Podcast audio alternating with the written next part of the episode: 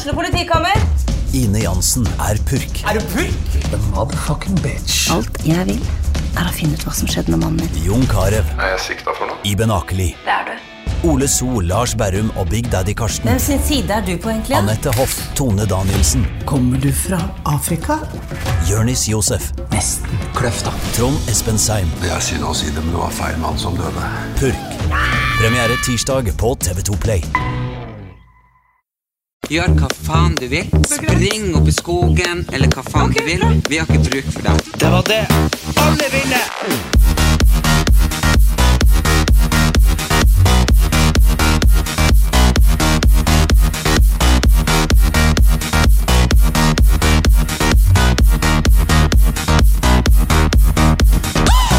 Hei og velkommen tilbake til Erlend Elias og Erik Anders sin podkast.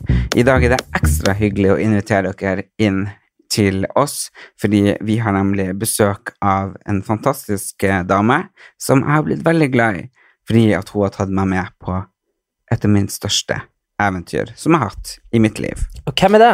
Det er Vet du hva? Jeg syns hun skal få lov å presentere seg sjøl. Velkommen. Tusen takk. Tusen takk for at jeg får lov til å komme hit. Ja, nei, jeg er jo Hanne Aas, da, som er med i Safari Norge. Jeg er guiden i Safari Norge, som du er med på, eh, Erlend. Ja, som går, som går på NRK Mm. de her dagene. Og denne uka så er jo min episode på lineær-TV. Mhm. Dere kan jo se alle episodene på én gang, eh, slik som mange gjør på NRK eh, nett-TV. Eh, Jeg spurte hun mamma om hun hadde sett min episode, men hun venta, for hun vil se den på lineær-TV. Hun vil det ha så- med- Hun vil se den på den store TV. Ja, ja, ja, Ja, hun syns det er stas. Ja, ja. Mhm. Dere kjenner sikkert stemmen til Hanne. Jeg, trodde det var Hanne Cecilie, men jeg Jo, har nei, men det er sånn det er Hanne Cecilia. Tenk at du husker det. Så koselig. Hvor er, ok. Ja. Men uh, du heter egentlig Hanne Cecilie? Hanne Cecilia Aas. Cecilia. Oh, ja, ok. Mm. Hanne Cecilia Aas. Mm. Dere har sikkert hørt uh, den stemmen som eh, Hanne har, mange ganger før. For hun har nemlig en årrekke leda Ute i naturen og andre programmer på NRK. Mm. Jeg må jo bare spørre, hvor mange år har du vært på NRK-huset? Jeg har vært der i 20 år. Ja. 20 år, ass! Det er lenge. Ja, det er I lenge. en norsk kongelig Begynte når du var 15? Ja, noe sånt.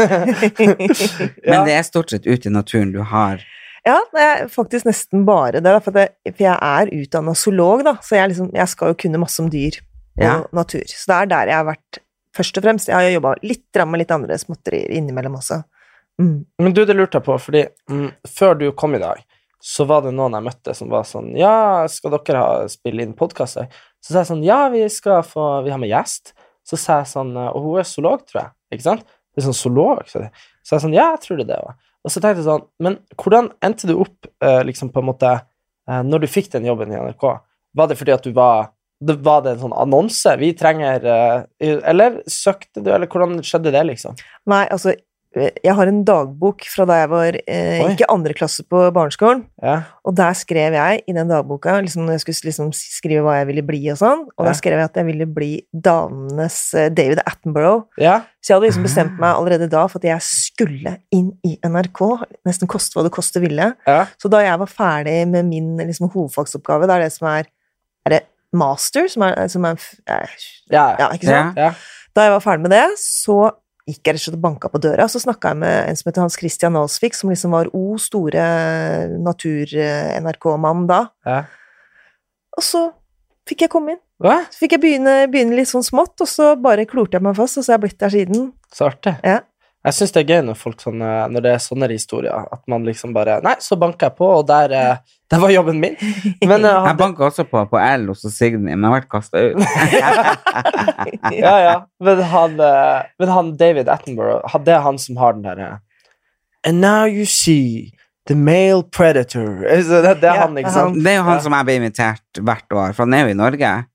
Er han det? har jo ikke jeg fått med meg. Det har ikke fått med seg. Han eldre med Sir David Attenborough, ja, han er Ja. jo nå 83 eller Ja, noe sånt nå. det det kanskje Ja. ikke hvert år, men jeg har vært med på eh, eh, selskap med han tre ganger. Ja, sier du det? Ja. Jeg har også det, da, men da, det er fordi jeg var i England på noen sånne okay. BBC-greier. Mm. Så jeg har Han husker meg selvfølgelig ikke. Men eh, jeg husker ham veldig godt, da, Ja. jeg har hilst på ham. Fordi Men- at han har jo en stemme som han Jeg er jo vokst opp med, bare NRK. Ja.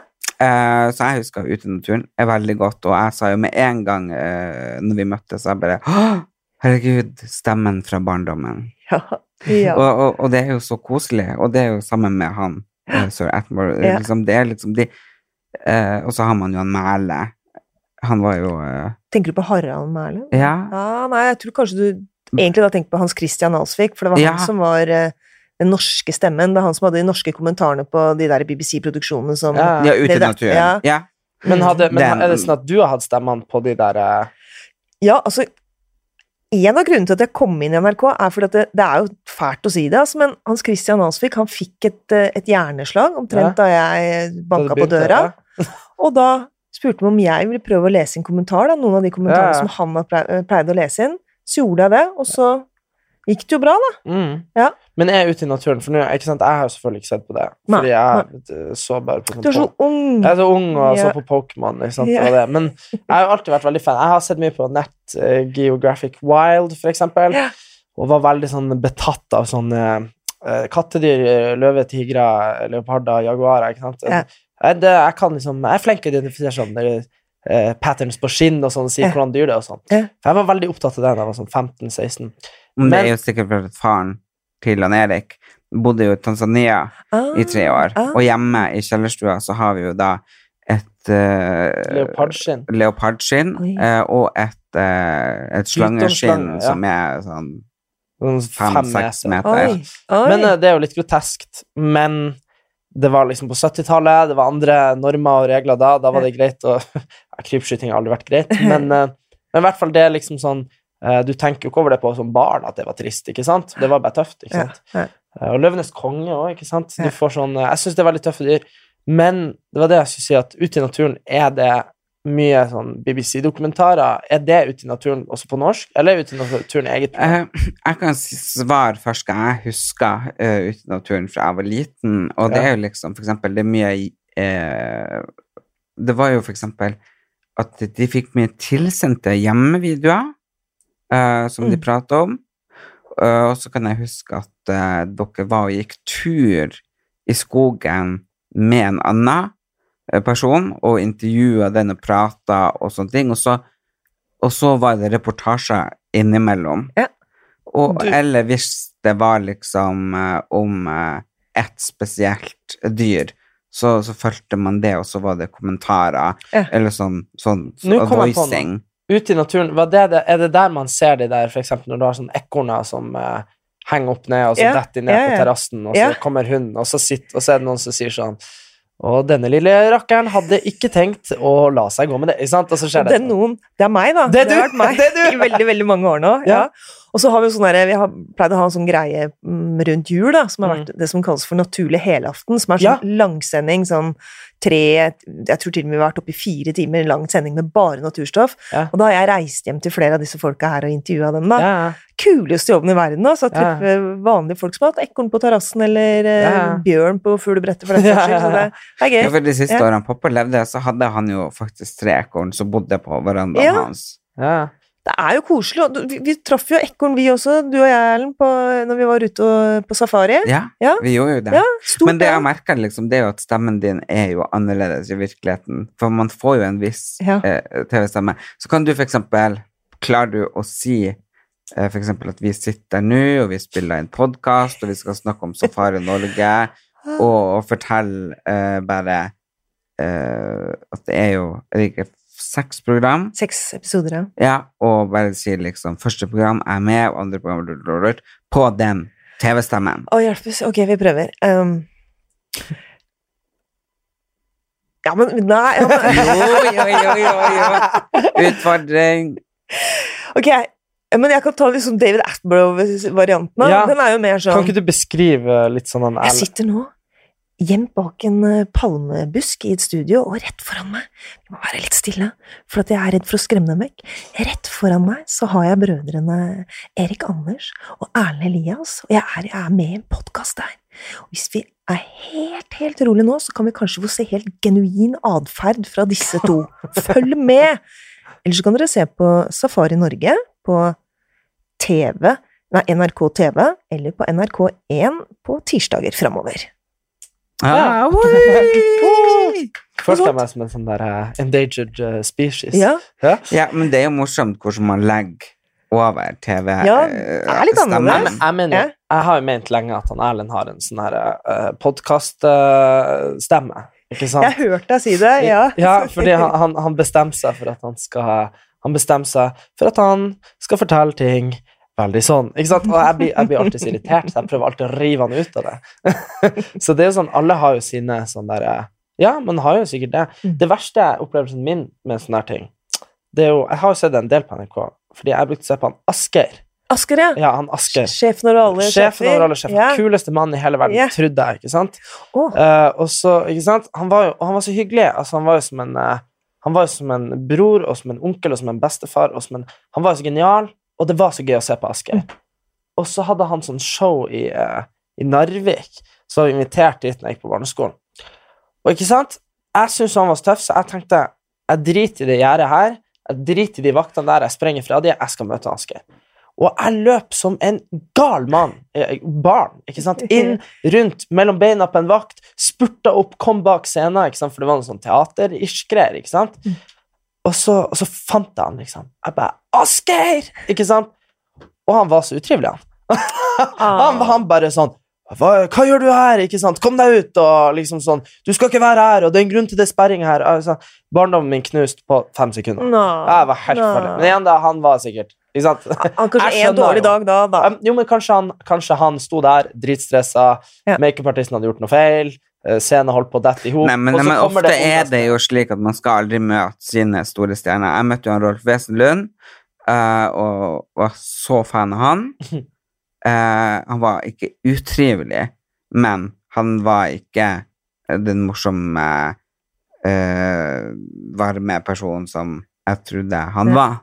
Nei, Han var liksom ganske sånn Men du, det er litt spennende det du sier, for det, vi har jo hatt veldig streng casting til denne Ja. her Safari Norge.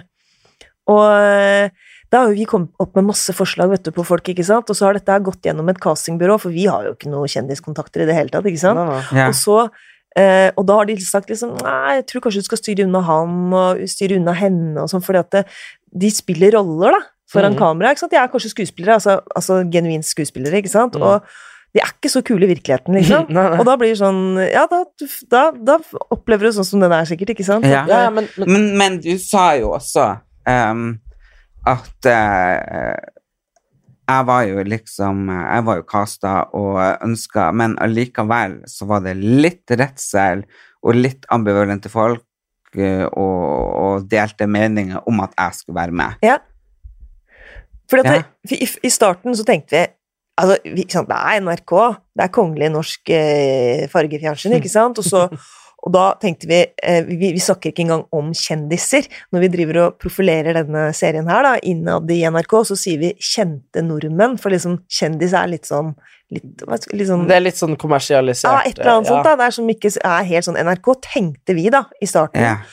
Og så tenkte vi nei, vi vil bare ha med sånne folk som kunne være med i denne her eh, Hvem tror du at du er-serien. Ja. Det syns vi er veldig bra, da. Eh, og så vi hadde en lang ønskeliste med folk, og så var det mange som ikke kunne, og så var det mange som eh, ikke kunne akkurat når vi Altså når dyra er der, for det er jo en sånn ting de, Dyra er, jo, er der jo ikke alltid. Det, det må stemme på tidspunktet når de er der. Og så, men, så derfor så kom andre navn opp, da. Og da ble blant annet du foreslått. Og da var jo du Du var jo kjendis. Du var jo ikke kjent nordmann, hvis du skjønner forskjellen, mm. ikke sant? Men i ettertid så har vi jo har, Dette er jo første gang vi lagde serien. Ja. Eh, altså dette er første sesongen, så vi har skjønt nå at det viktigste kriteriet er Vi må liksom kaste alle disse fordommene vekk, da, og det viktigste, viktigste kriteriet er at folk må ha lyst, da. Mm. De må ha skikkelig, skikkelig lyst til å se det dyret som de drømmer om å få se. ja. For de blir pressa til ganske mange ting, da, for det er vanskelig å se ville dyr i Norge. Dere, og dere satt jo liksom i sånn hytte i timevis og Ja, Jo, men jo, for det spennende, som jeg syns er litt spennende, det er jo fordi at eh, både du og eh, fotografen uh, bare sånn Når vi prater sammen der, bare sånn Nei, én ting skal du vite. Jeg tror det var siste dagen vi var ferdig. Ja. Ja, ting skal du vite, Helen. Du er absolutt ingenting av det vi trodde du var. Nei, Og det er det som er så gøy! Ja, da tenker jeg liksom Hva trodde dere? Ja, hva trodde, tror du da, Erlend? Altså, du, du sa jo det sjøl, egentlig. På serien så sa du at hvis folk spør meg hva slags fugl jeg er, så vil alle si at jeg er en påfugl, ikke sant? Ja. Altså Folk som ikke kjenner deg, vil si at du er en påfugl. Litt sånn ja, sånn jålebukk og eh, egentlig bare til stas, på en måte, da. Ja. Litt sånn, ikke sant? Mens, men så sa du at ordentlig Erlend, det er, det er eh, konge... Nei, havørna, ikke sant? Det er ørna. Og da følte vi at ja, men det var jo han vi fikk treffe, da. Nei, du er, det, var ikke, det var ikke så mye det var ikke, så, det var ikke så mye sminke og greier, sånn som vi tenkte kanskje du, at du skulle være mer opptatt av det. Jeg ble så overraska allerede første dagen når vi satt dette her i skjulet, ikke sant, dette fotoskjulet for å se noen dyr. ja. Og så sa jeg at eh, nei, vi burde, vi burde egentlig ha vært der tidlig, tidlig på morgenen, for det er da, det er da ting skjer. Og så sa du at eh, ja, men kunne vi ikke bare ha sovet over her, da? Så hadde vi jo vært der tidlig på morgenen. Og det hadde jo vi sittet liksom og tenkt når vi tenkte manus. Ja, skal vi liksom få Erlend til å bli med og sove uti der, og så, sånn at vi våkner opp der og liksom, Første natta? Nei, det er å skremme han vekk og sånn, ikke sant? Ja, for, men da, for da tenkte vi nei, men han skal sikkert ha god tid om morgenen, og, og du sa nei, men da bare, bare våkner vi opp som noen troll, ikke sant? Og så, og så tenkte jeg Sjukt, altså, at vi ikke, ikke utfordra deg på det, liksom. Nei, vi, vi bare turte ikke. Vi trodde du var mye mer eh, Diva. Ja, eller, ja mer diva, mer jålete enn enn vi nå har skjønt at du er, da. Ja. Og det syns vi er kult. Og det, og det gjør jo egentlig eh, mye mer for meg enn noen ting annet, og det eh, og det, derfor er jeg så stolt over å være med i det programmet, Mm. for jeg føler jeg får visst en annen side enn For det er ekstremt mange som sitter med det eh, Men enda, bildet. Men enda, det er jo sånn at man har jo eh, Erlend har jo også sagt det, at man har jo mange fasetter, sant? Mm. Og det er jo sånn at han Erlend er jo en påfugl også, ikke sant? Han er jo du Han Erlend Elias er jo det når han står på scenen og shower på rød løper og sånne ting, men, men slik som jeg har kledd meg i dag, da har jeg kledd meg fordi at jeg skal jo være meg sjøl. Ja, ja. Uh, og uh, det er jo sånn du ser meg hjemme, både Ja, her i Oslo og i Tysfjorden, og liksom blant nære venner og sånne ting. Så det, og det, er jo det som er liksom Jeg har lagd den karakteren Ellen Elias som jeg elsker, og du spurte meg når vi var på tur, eh, hvis jeg måtte velge Mm. eh, om jeg vil være Erlend eller Ellen Elias. Men jeg vil jeg, jeg vil være begge deler. Ja, det var det jeg elsker jo å pynte meg og gå på rød og liksom gull og glitter og i det hele tatt. Men så syns jeg også det er helt fantastisk å bare være ærlig. Mm. Men uh, det, ja, det er jo i pose og sekk og litt grådig, kanskje, men Jo, jo, men, men det er det jeg mener, at det er ikke sånn at man er det ene eller det andre, men Nei. det at man er liksom Og det, og det er jo akkurat det og det er det som er liksom folk, at uh, det er mye lettere i en verden hvor det er sort-hvitt. For eksempel liksom Nå var jo liksom Nå skal jeg ikke ta oss ut på for langt ut på vidda her, men eh, vi hadde jo liksom IS, ikke sant, de likte vi jo ikke. Mm, De mm. måtte vi bekjempe, ikke sant? Mm. Og så lot vi liksom noen sånn kurdiske opprørsstyrker kla- klarte å kvitte seg med IS. Det var veldig bra. Eh, Praise to them, ikke sant? Men så begynner vi liksom å bombe liksom de der eh, tyrkiske Nei, de eh, kurdiske opprørsstyrkene, for de er tydeligvis terrorister, de òg. Ikke sant? Og så er det litt sånn at Men ikke sant, verden er ikke sort-hvitt. Ikke sant? De var sikkert De er sikkert litt slemme, men det er ikke rett å ta de heller. Men det, og det er litt det som er med Erlend. Han, han er han, Du er jo Du elsker jo å kle, kle deg opp og, og være Ellen Elias, og du er Ellen Elias veldig mye òg, ikke sant? Men det er det som er at eh, folk har så lyst å gjerne se deg på en måte, men ikke sant? du er jo heller ikke bare den Erlend som går i ullklær og leter etter ørn, ikke sant? Men det er jo en del av hele pakken, da. Mm. Og, det, og det tror jeg liksom at eh, Men igjen, da, media og alt mulig, det er mye, det er mye lettere å si at, eh, at noen er sånn og sånn og sånn. Fordi det er mye lettere for folk i hodet sitt å bare sette de opp, da. Hva syns jeg om han Erlend Elias? Jo, men han er det- sånn og sånn. Ja. Og det er jo veldig eh, Jeg har jo fått et veldig sånn rykte at jeg er vanskelig å jobbe med, og jeg er diva, og sånn og sånn og sånn. Eh, og det er veldig lett å gi en person som har masse farger og glitter og klær og ser litt dum ut, og bare Dum ut? Nei, Jo, men eh, sånn som jeg nekter. Jeg nekter. Du ser Ja, ikke dum ut. ja, men litt mer sånn eh, Mye bryn og stort hår og Ja. Det er litt enklere å gi den personen eh, karakteristikken som vanskelig Mm. enn eksempel en som er helt plain. For da er det bare sånn Hvorfor er han vanskelig? Mens når man ser meg i masse farger og dill og dall, liksom, tenker man bare Ja, det kan jeg tenke meg til at han er. Men det verste er nå uansett å være kjedelig, tenker jeg. Ja, Det- jeg tenker man må jo være unik, Enig. og så må man jo være seg selv, og jeg tenker at jeg har jo mange forskjellige identiteter. Personligheten er jo stort sett den samme. uh, men uh, jeg må jo si at når jeg var uh, Vi var jo i Flatanger, og det første Vi ble jo kjørt fra flyplassen, eller jeg da, og så ble vi stoppa utenfor et hus, og så sier han ene Odd Arne, fotografen. eh, Mm. og så sier han ja, nå skal du ut og møte hun Hanne oppe på det fjellet der oppe. Jeg bare hvordan fjell? Og så ser jeg liksom bakom i tåka liksom et svært fjell. Jeg bare nei, nei, det går ikke. Eh, og- da var jeg nok da var jeg ikke kommet ut av den Erlend Elias-bobla ennå. Eh, for de var bare nei, nei, du må be henne komme ned. jeg går ikke opp dit. og jeg bare gikk inn og ordna meg et glass brus og tok meg en røyk og bare det var masse sånn telefonering og kontakt mellom dere i crewet, selvfølgelig. Og da fikk jeg dere Panikk, sikkert panikk, han vil ikke, han vil ikke. Ja, og da var det jo sikkert litt sånn bare sånn Ok, han er sånn som Vi var redd for. Vi var redd for at han er. Eh, og så satte jo han seg ned og så sa han eh, Kan ikke du være så snill å prøve å gå? Og, og klarer du ikke det, så, så snur vi.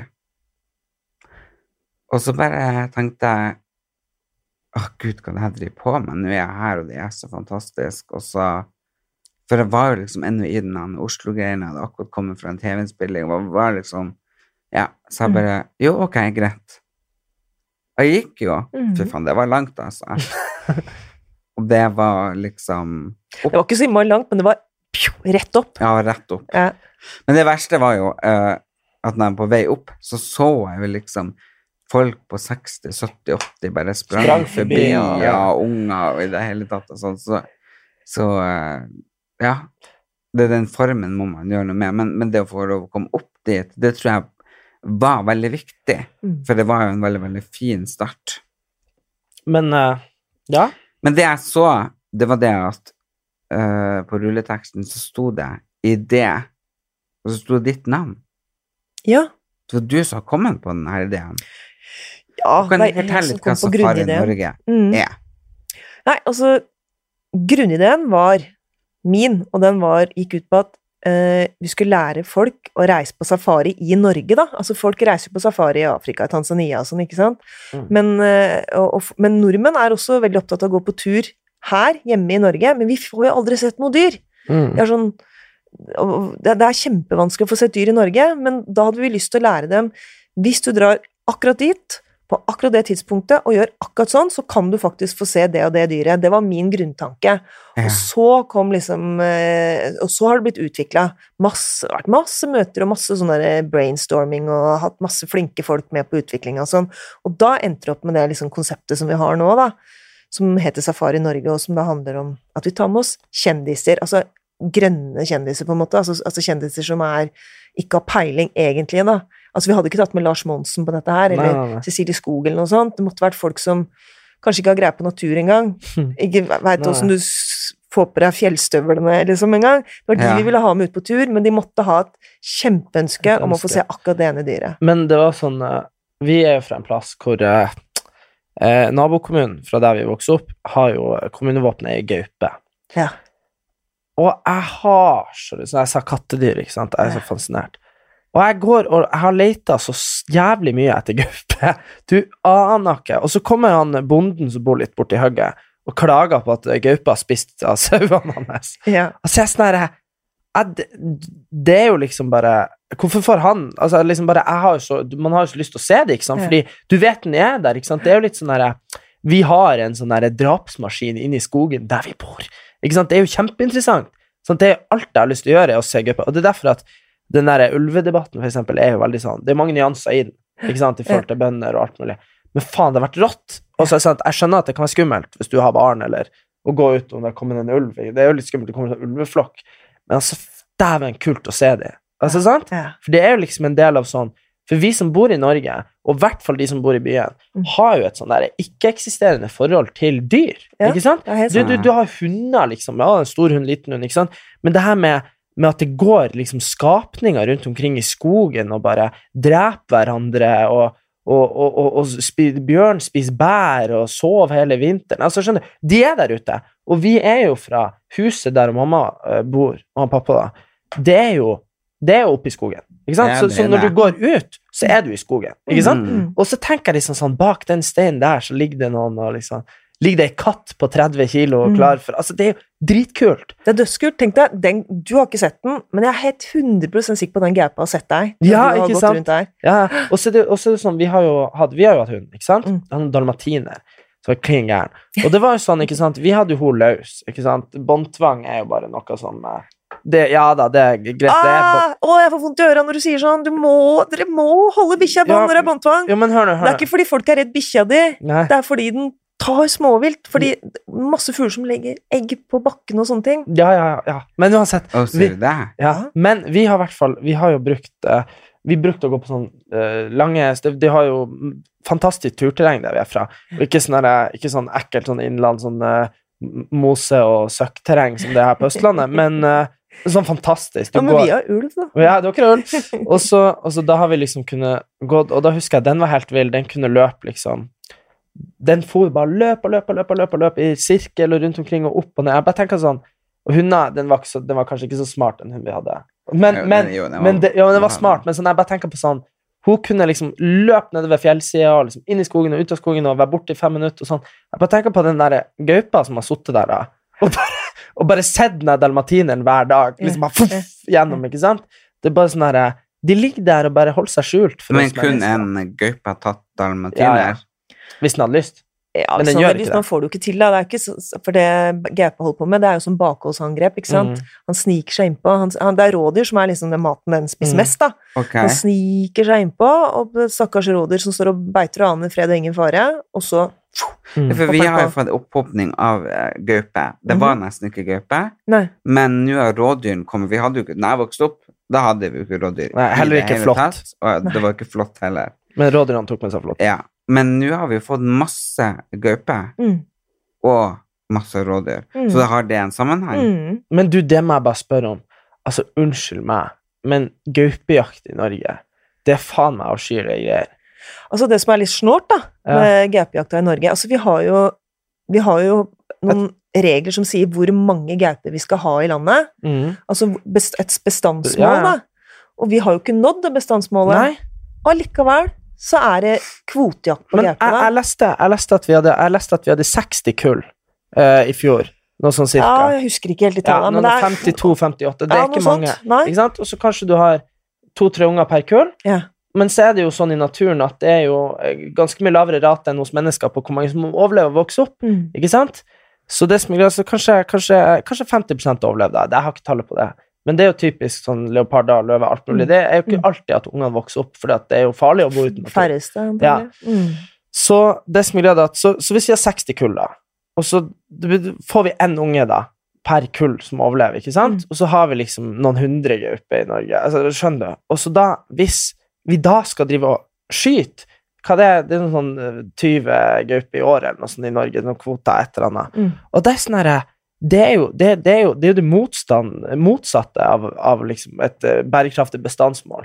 Det må, det må gå nedover, ikke sant? Mm. Og jeg syns det er så jævlig synd, fordi altså Gaupe er jo ikke noe, er jo ikke noe Det er jo ikke sånn at vi har så, Sånn som der vi er fra, da. Det er nå en sauebonde, ikke sant? Så vi en som driver med reinsdyr et par hundre mil lenger bort, ikke sant? Det er liksom ikke mye igjen av den derre eh, gamle eh, liksom landbruket på fjellet, at sauene slippes ut og sånn.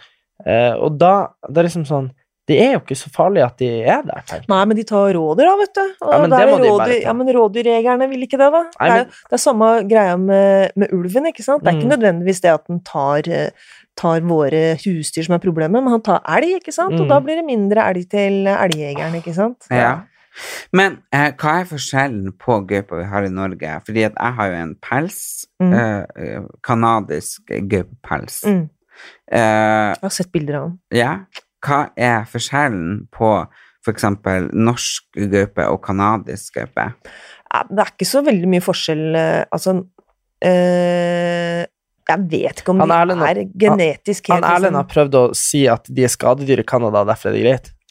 Jo, jo, men det er jo det, fordi de, de blir behandla akkurat som rakun, for det er så mange av de at Ja. det blir som vaskebjørn til å rota i søpla og, og sånn. Og så har de jo ikke de flekkene på seg, de denne Ja, men det, prikkene. det trenger ikke norskgaupe ha heller. De Nei. kan enten være sånne sandbrune, Mm. helt jevn farga, Ja. eller så kan de ha flekker, og så kan noen ha en blanding av eh, flekker og sandbrun farge også, så det er litt forskjellig. Men om de er skadedyr, nei, det aner jeg ikke noe om. Altså. ja, for de var sammenligna med vaskebjørn, at de får rota i søpla. Så mange av dem er det nå ikke, da. Nei. Men, eh, men det er jo mange av de her eh, For det var det de i pelsbutikken sa. Men også enda tristere er det jo. Jeg prøver å si Jeg, jeg sier det jo til han Erlend av og til og sånn her.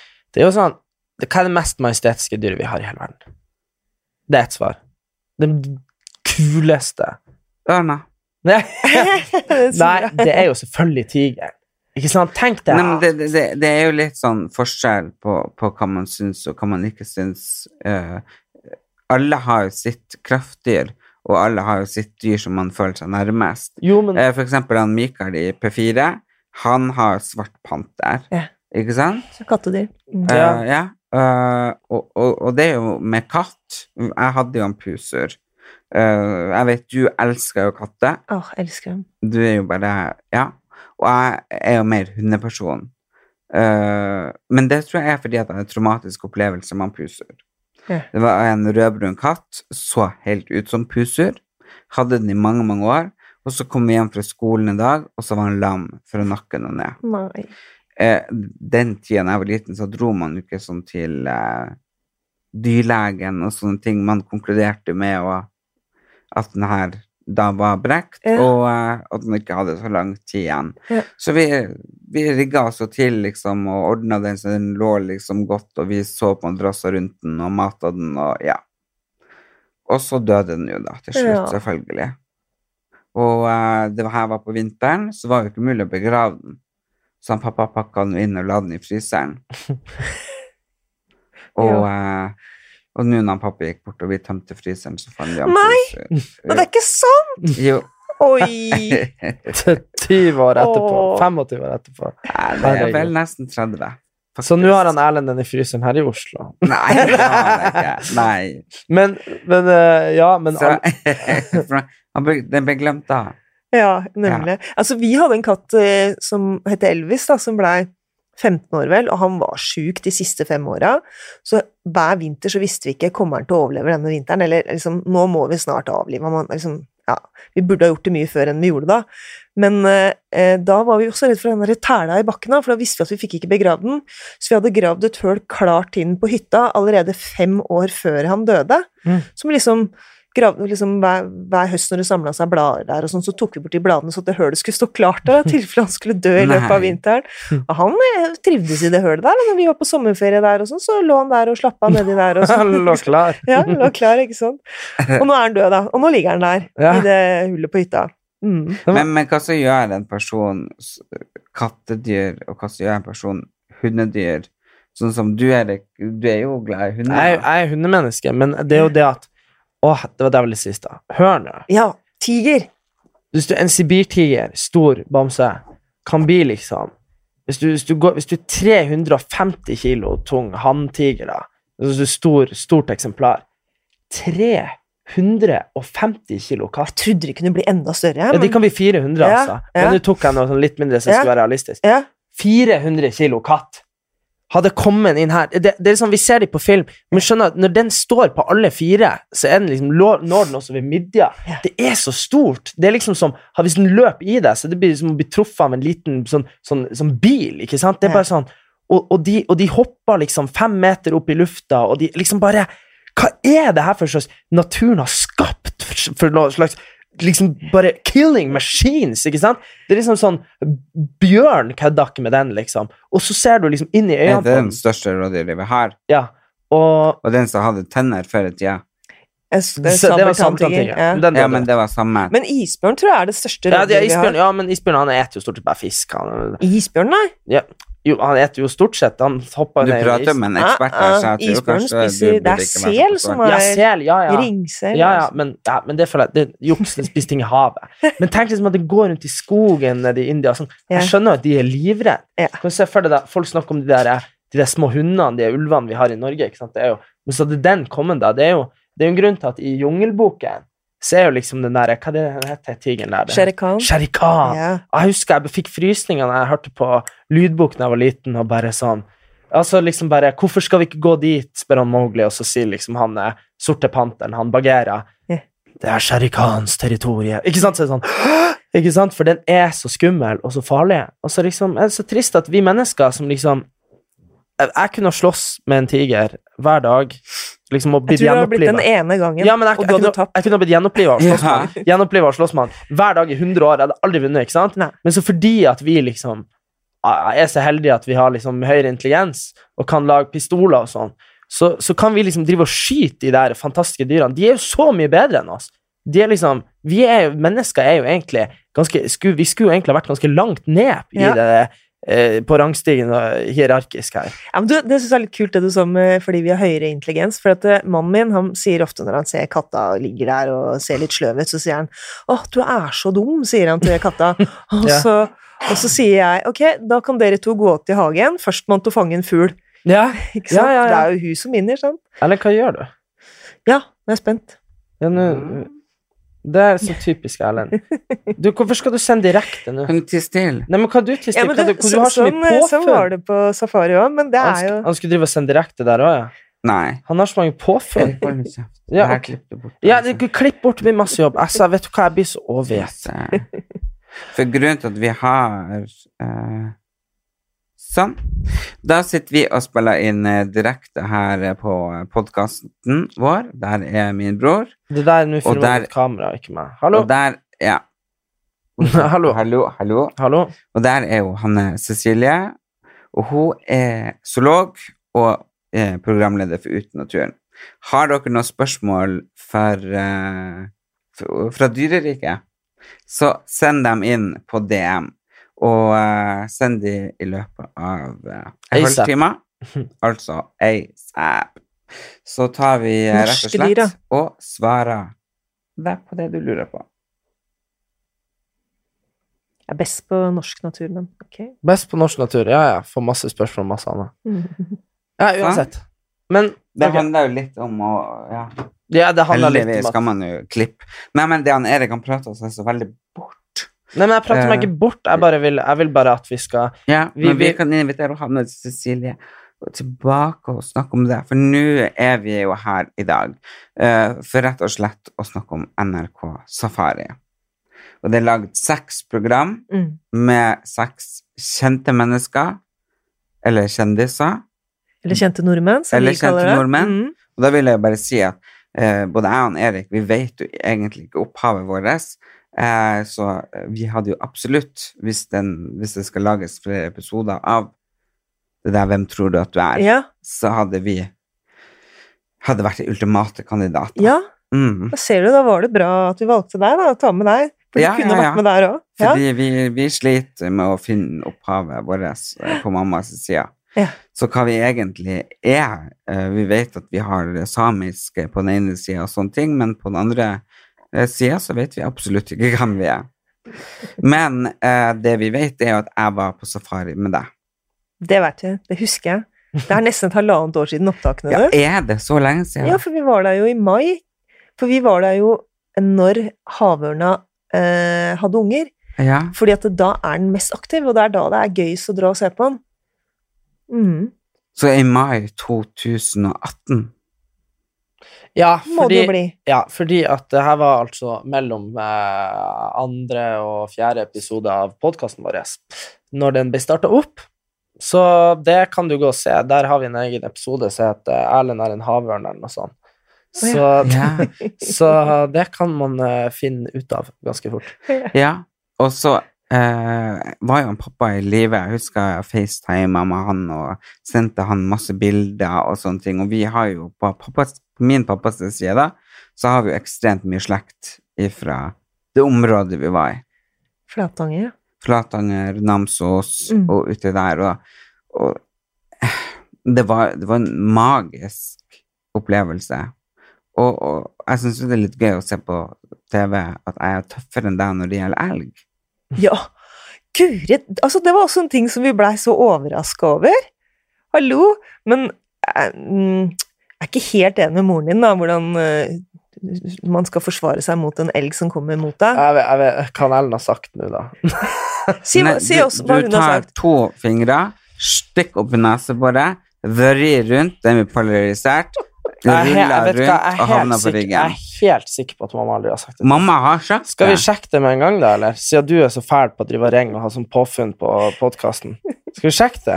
Om hun Ja, har sagt det, eller om du har funnet det på? det. Ok, skal vi se, nå har jeg sånn flymodus jeg har på Skal vi prøve å ringe mamma, da, og høre om Ja, hun Det blir hun sikkert å nekte. ikke, si, ikke du, ikke du, jeg skal ikke Jeg si vet at du er blir å nekte. Nei, men jeg skal ikke si at du har sagt det. Det er bare, bare la oss Jeg vet du blir å nekte. Hallo, mamma. Du, ja. hvis en elg angriper deg, hva man skal gjøre da? Jeg bare lurer. Hvis en elg angriper meg, Ja. så skyter jo jeg han. da. Ja, men hvis du, hvis du, hvis du er ubevæpna Å ja.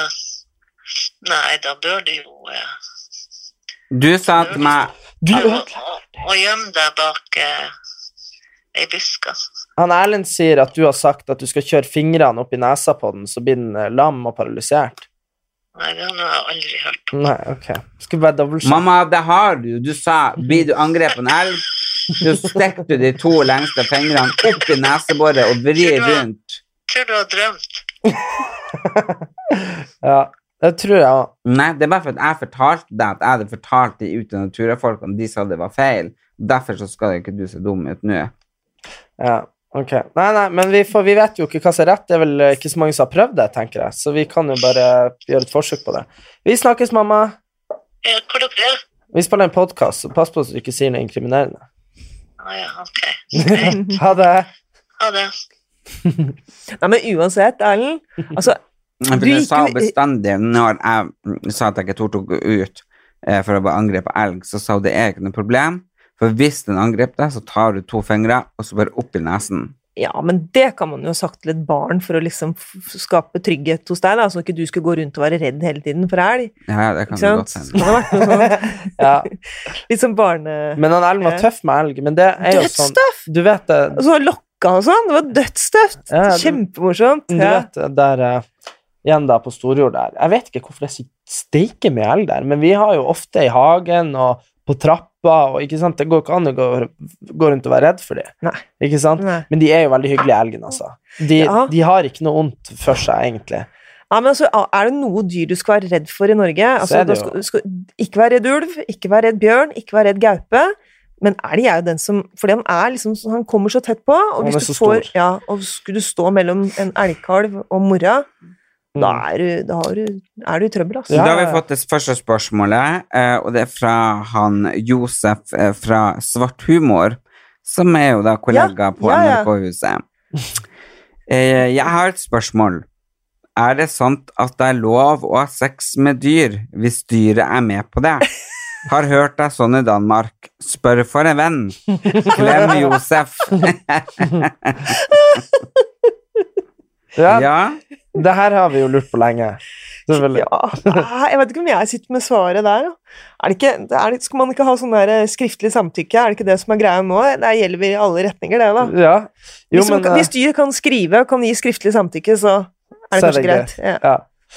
ok. Så da, da må han uh, altså få skriftlig samtykke fra dyret. Josef må så, få sånn potetrykk fra hunden. Nei, du må kunne skrive, skrive navnet Så, sitt. ok, ja. Men du, til sammen så ble det altså seks episoder Ja. i sesong én. Mm. Hvilken av de episodene syns du var mest spennende å være med på? Ah, nei Må jeg velge? Ja. Nei, du kan si hvordan som var mest spennende. Nei, nå er det jeg som spør. Ja, jeg prøver å hjelpe deg. Ok. Ja, du kan si hvordan som var mest uh, spennende, fordi det kan jo være noe kanskje de flydde helikopter i en episode, hvem vet vi, men så kan du også si hvordan som var mest eh, finest. Ja, men altså, jeg kan først si altså, Hvis vi med spennende mener Opplevde jeg dødsangst på, i en av episodene, så er det en episode som jeg gjorde det. Ja, men det, det tipper jeg var Momie Mie Gundersen. Ja, Ja. du det, altså, vi, Fordi- vi skulle svømme med spekkhoggere, ikke Og sant? det, det er jo jeg oppvokst med å gjøre. Med å svømme med Ja, spekkhoggere? Ja, fordi at jeg har jo jobba på uh, vi hadde, Spekkhoggerne var jo i Tysfjorden Ja. hele min oppvekst. Ja. Og jeg uh, jobba jo om bord i, i båtene og serverte suppa til alle de her turistene som kom fra hele verden. Og, og der var det også en gummibåt, og da fikk vi lov å uh, Når turistene var ferdige, og sånn, så fikk vi som jobba, lov å svømme med spekkhoggerne. Ja. det var et sånt tilbud du kunne betale for å være med en guide ut og ja. svømme spekkhoggerne. Men vi fikk det jo gratis, eller jeg fikk det gratis, Ja. jeg jobba der da. Så jeg var der og klappa med de og hørte yeah. på sånn stetoskop og hørte lyden og yeah. sånne ting. Så for meg så var det der en veldig normal Ja, ting men å akkurat men gjøre. med å svømme med dem var ikke så veldig skummelt, egentlig. Nei, men jeg så jo hva som kom. Hva ja, som skjedde? for det kom Altså, Det her er jo spoiler alert, alert, alert. Alert. ja, men vi har nå røpa det allerede, disse promoene og sånn, Ja. da. Ja. Ja. Jeg prøvde forresten å skrive promo på mobilen min. Da kom det opp porno, og det har jeg sendt ut, ut til liksom masse venner. Nå må dere se på Porno. promoen vi har lagt ut, ikke sant?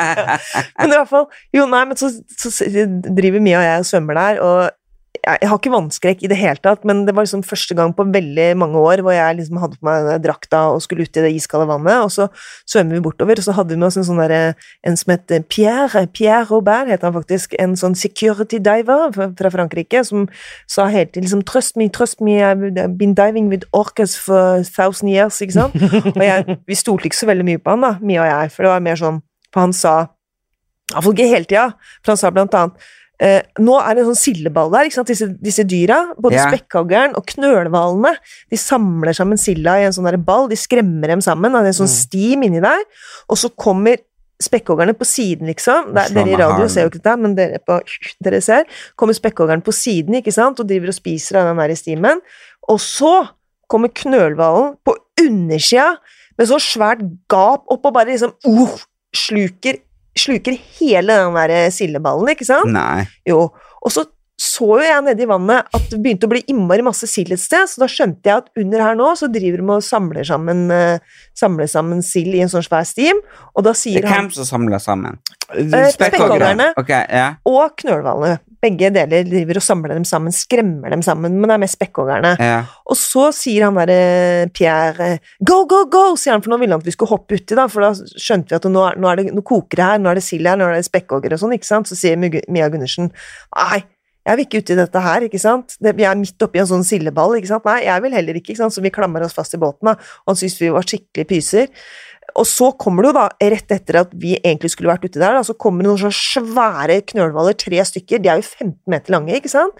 Og 30 tonn tunge eller noe sånt nå, kommer der og sluker sildeballen rett foran øya våre. Og da var vi veldig glad for at vi ikke hoppa uti. Men så sier han ja, nå har du spist, nå, nå Men, men hva hadde skjedd hvis dere hadde vært der med silda da? Nei, altså da... Kunne dere ha blitt slukt? Ja, det kunne vi.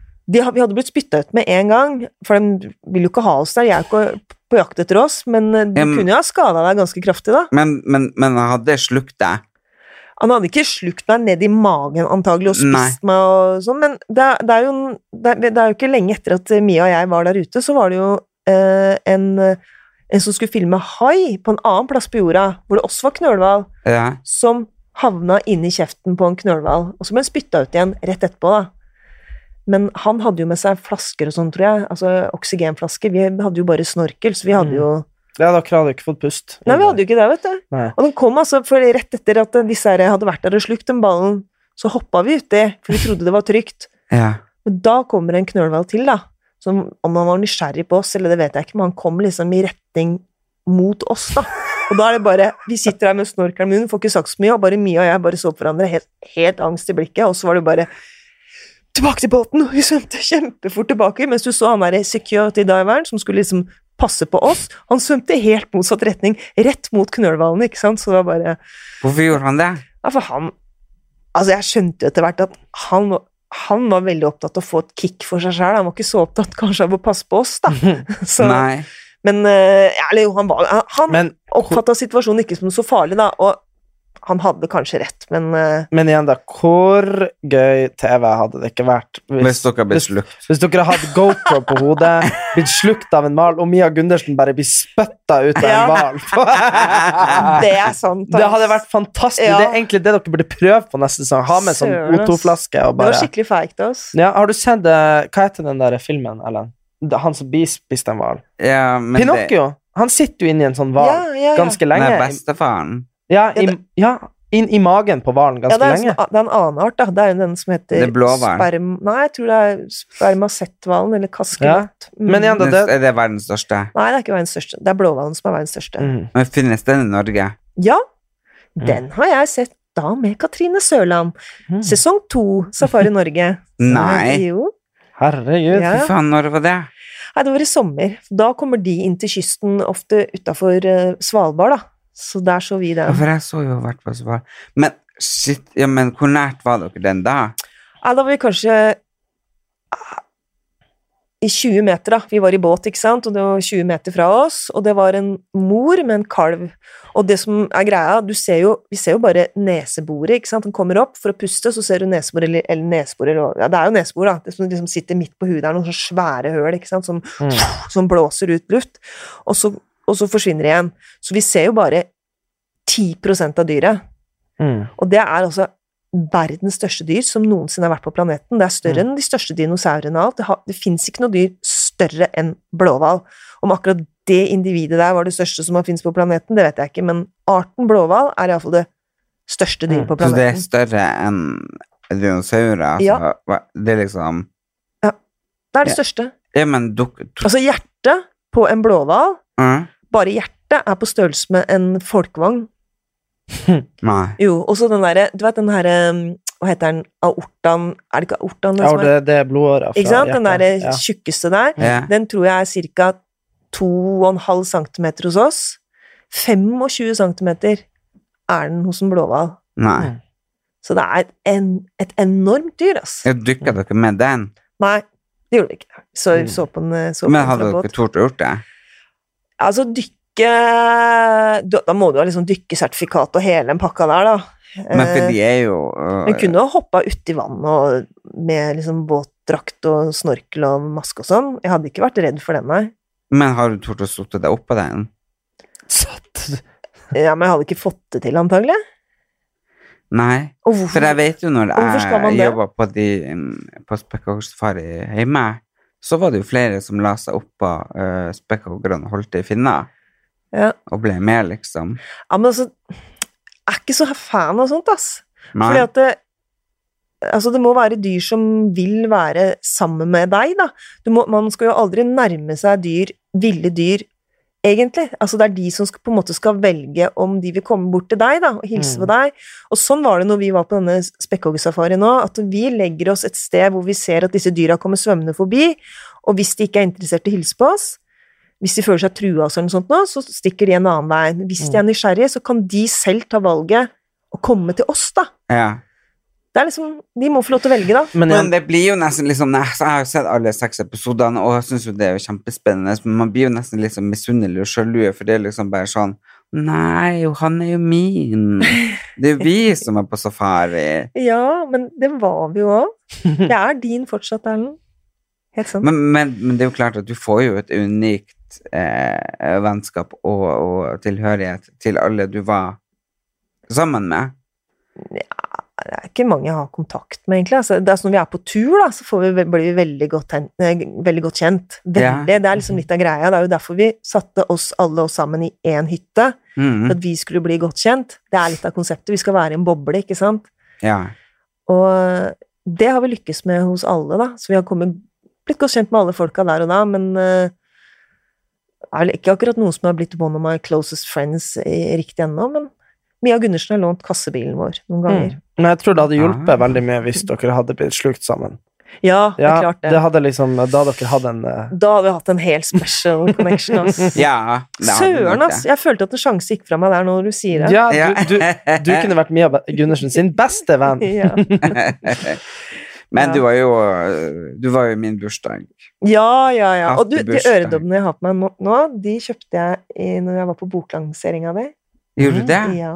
Det er de samme. Ja.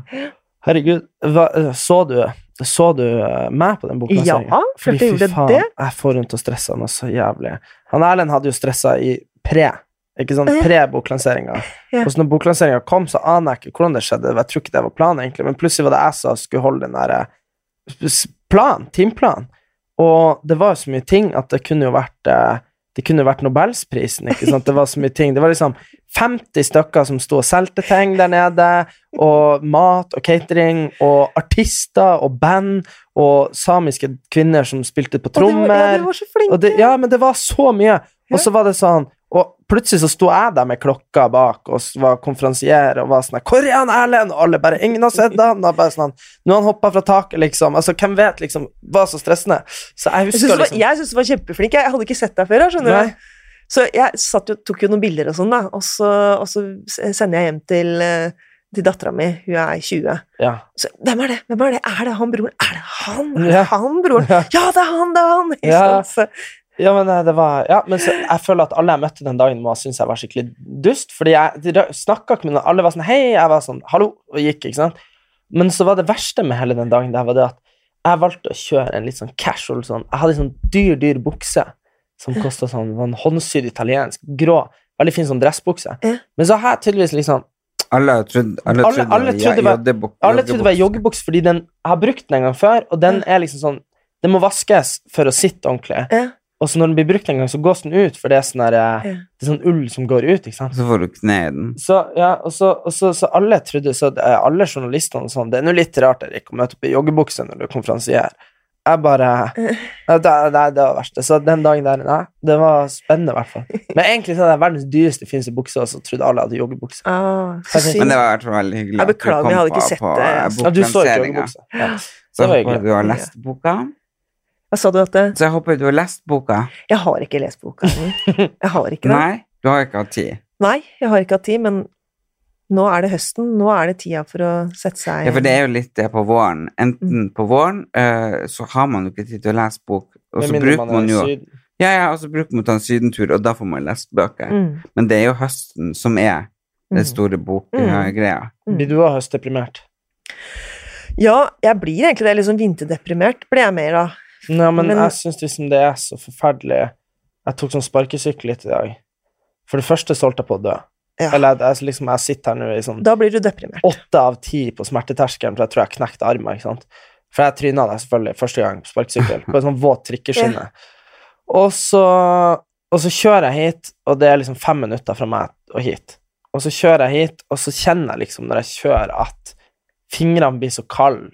At jeg liksom kjenner ikke bremsen eller gassen. Så er jeg sånn her Bare så, ja, så kjipt, liksom, at det liksom ikke At man ikke kan gå ut med en hettegenser og bare Ja, men det er jo kontrasten som er deilig. Nei. Nei, Jo, så det... det, det, det, våren hadde jo ikke blitt det samme hvis du ikke hadde hatt den iskalde vinteren foran der. Men du, jeg lurer på, var det noen som kom og hjalp deg når du datt, eller? Ja, men vet du hva, jeg sånn Jeg tok jo salto på Stortorvet, og jeg bare Og det var ei dame bare 'Herregud, nå går det bra med deg.' Jeg bare tenkte sånn Nå kan det hende at jeg har sånn dobbelt kraniebrudd, men eh, jeg bare, nå må jeg bare komme meg unna, for det var sånn så mye folk som var utafor Det bussen. er rart det der at man blir flau Ja, det er den som du får mest vondt i. Stoltheten din. Ja. Ja. Men, ja, men jeg bare sånn, jeg hadde på meg hette og solbriller, så Ja. kanskje folk ikke liksom Jeg, bare- jeg bare orka ikke at noen skulle kjenne meg igjen, ikke sant? Ja. At, at jeg tryna. Så jeg liksom bare hoppa på sparkesykkelen og bare kjørte av gårde. Jeg bare au, au, au. au. så, så ja, det, det var Men det ordna seg. Det, Men det er jo for at det er så vanskelig å komme inn uh, i, Ja, på grunn av MDG, som jeg føler har ødelagt byen. Ok, nå kan vi snakke! Der snakka jeg og hun om litt før du kom. Ok, fortell du som zoolog hva du syns, og hva ditt forhold til å transportere seg rundt uten forferdelige fossile biler som ødelegger verden. Ja, for du la ingen føringer i spørsmålet nå. Nei. Nei. Fortell eh, det vi var så vidt innom før Ellen kom inn her. Ja, nei, men altså Jeg tar T-bane overalt. Eller så går jeg. Eller så, eller så Jeg har en elsykkel som jeg sykler med. Men jeg er gift med en fyr som driter fullstendig i alle disse tinga her. Mm. Så vi har faktisk nå utafor i hagen vår stående tre biler, og vi har Jeg tror vi har tre motorsykler. Ikke sant? Så uh, Men det er ikke dine. Nei, ja, ikke sant? men jeg føler som at jeg må være den ekstreme motvekten den andre veien, da. For jeg syns det er viktig, da. Mm. Altså, det er ikke så stor forskjell kanskje at eh, jeg eh, At akkurat jeg ikke kjører bil til jobb, men For at det er en fis i det store universet, ikke sant? Men det er en smitteeffekt. For da er det hvis jeg, som egentlig er en ganske normal person, vil jeg tro, syns det er greit å ta T-banen og syns det er greit å la bilen stå, så kanskje flere syns det òg. Og til Mm. sammen så blir vi mange, og det trengs. Ja. Og jeg digger hun Greta. Ja. Og hun Greta Fordi det var det vi snakka om. Vi har snakka om det òg før i podkasten, her med at vi bare er seks ledd unna alle i hele verden. Mm. Og da har vi faktisk ganske stor innflytelse. Det var du sa det til meg i stad før vi begynte her. Hvor mange personer du omgås, møter og treffer på jobb og venner og ditt og datt, sosiale? Kanskje 500 mennesker da, Mm. i løpet av en måned, eller 1000 på et år, eller ikke sant? Og, og hvis du ikke er den der fundamentalisten som står og roper, står og, roper og hater på ting, ikke sant? Det er sånn det, det er en ting folk ikke liker å se, det er egentlig sånn veldig ekstreme mennesker som er sånn Ja, du burde ikke ha katt fordi at det er ondskapsfullt mot jord. Altså, sant? Det blir for dumt. Men, men det at du liksom Det at du har et standpunkt som er sånn Jeg vil ta vare på denne verden her for fremtidige generasjoner fordi at jeg er glad i dyr. fordi at Sånn som jeg kom, fikk aldri snakke inn på det for at du blir sur for at jeg snakka meg vekk fra safari. Men det her at det er 2000-3000 tigre, det er færre enn det i den der lille kommunen vi er fra i Nord-Norge. Ikke sant? Mm. I hele verden, ikke sant? Mm. Er helt Og, sprøtt. ja, det, det er helt sprøtt. De dyrene, så mange majestetiske Det er flere i fangenskap enn ja, i enn en i, fri, i naturen. Det er det. Mm. Ja, og det er bare sånn, og det er for at vi mennesker liksom bare og, og, og, og Greta, og folk snakker om at ja, nei, men hun har Aspergers, hun er 16 år, og hva vet hun, og sånn. Og så er det sånn Vet masse. Ja, hun, hun vet så mye, da. Mm. Og, det, det, det, og det som er en, et ankepunkt uh, på akkurat det her, er jo det at folk med Aspergers, er det en ting som kjennetegner de, er jo det at de har jo evnen til å se ting veldig klart, men kanskje bare den tingen de interesserer seg for. Mm. Det er derfor veldig mange ingeniører Mm. eh, har, er litt sånn på autismespekteret. Og i dag så gjorde jo jeg en sånn eh, Jeg gjorde faktisk en video på det her i dag som kommer etter hvert, hvor jeg oppramsa en del mennesker som har vært på autismespekteret og kanskje til og med hadde Aspergers i menneskehetens historie. Isak Newton, Albert Einstein, Michelangelo, eh, Steve Jobs, ikke sant? Nå sitter jo du på, eh, og ser på meldinger på Apple-telefonen for å se på spørsmål, Erlend. Steve Jeg Jobs. Ja. Ja, ja, ja du, du er på jobb, du, så det er greit. Og det, Men jeg hører hva du sier. Ja, ja, jeg kan men- multitaske. det, var ikke det det. Det var ikke det som var poenget! Poenget var at telefonen var laga av Steve Jobs. Mm. Ikke sant? Og det er det jeg mener, at, så det at hun har Aspergers, Mm. Spiller ingen rolle. det er ingenting å si. Eller Og, så kanskje kom, et pluss. og enda verre var det jo at det var en Anders Giæver, er den norske personen som har gått ut og meldt på det. Fordi at han mente at vi burde bruke Vær varsom-plakaten for personer som burde beskyttes for seg sjøl. Mm.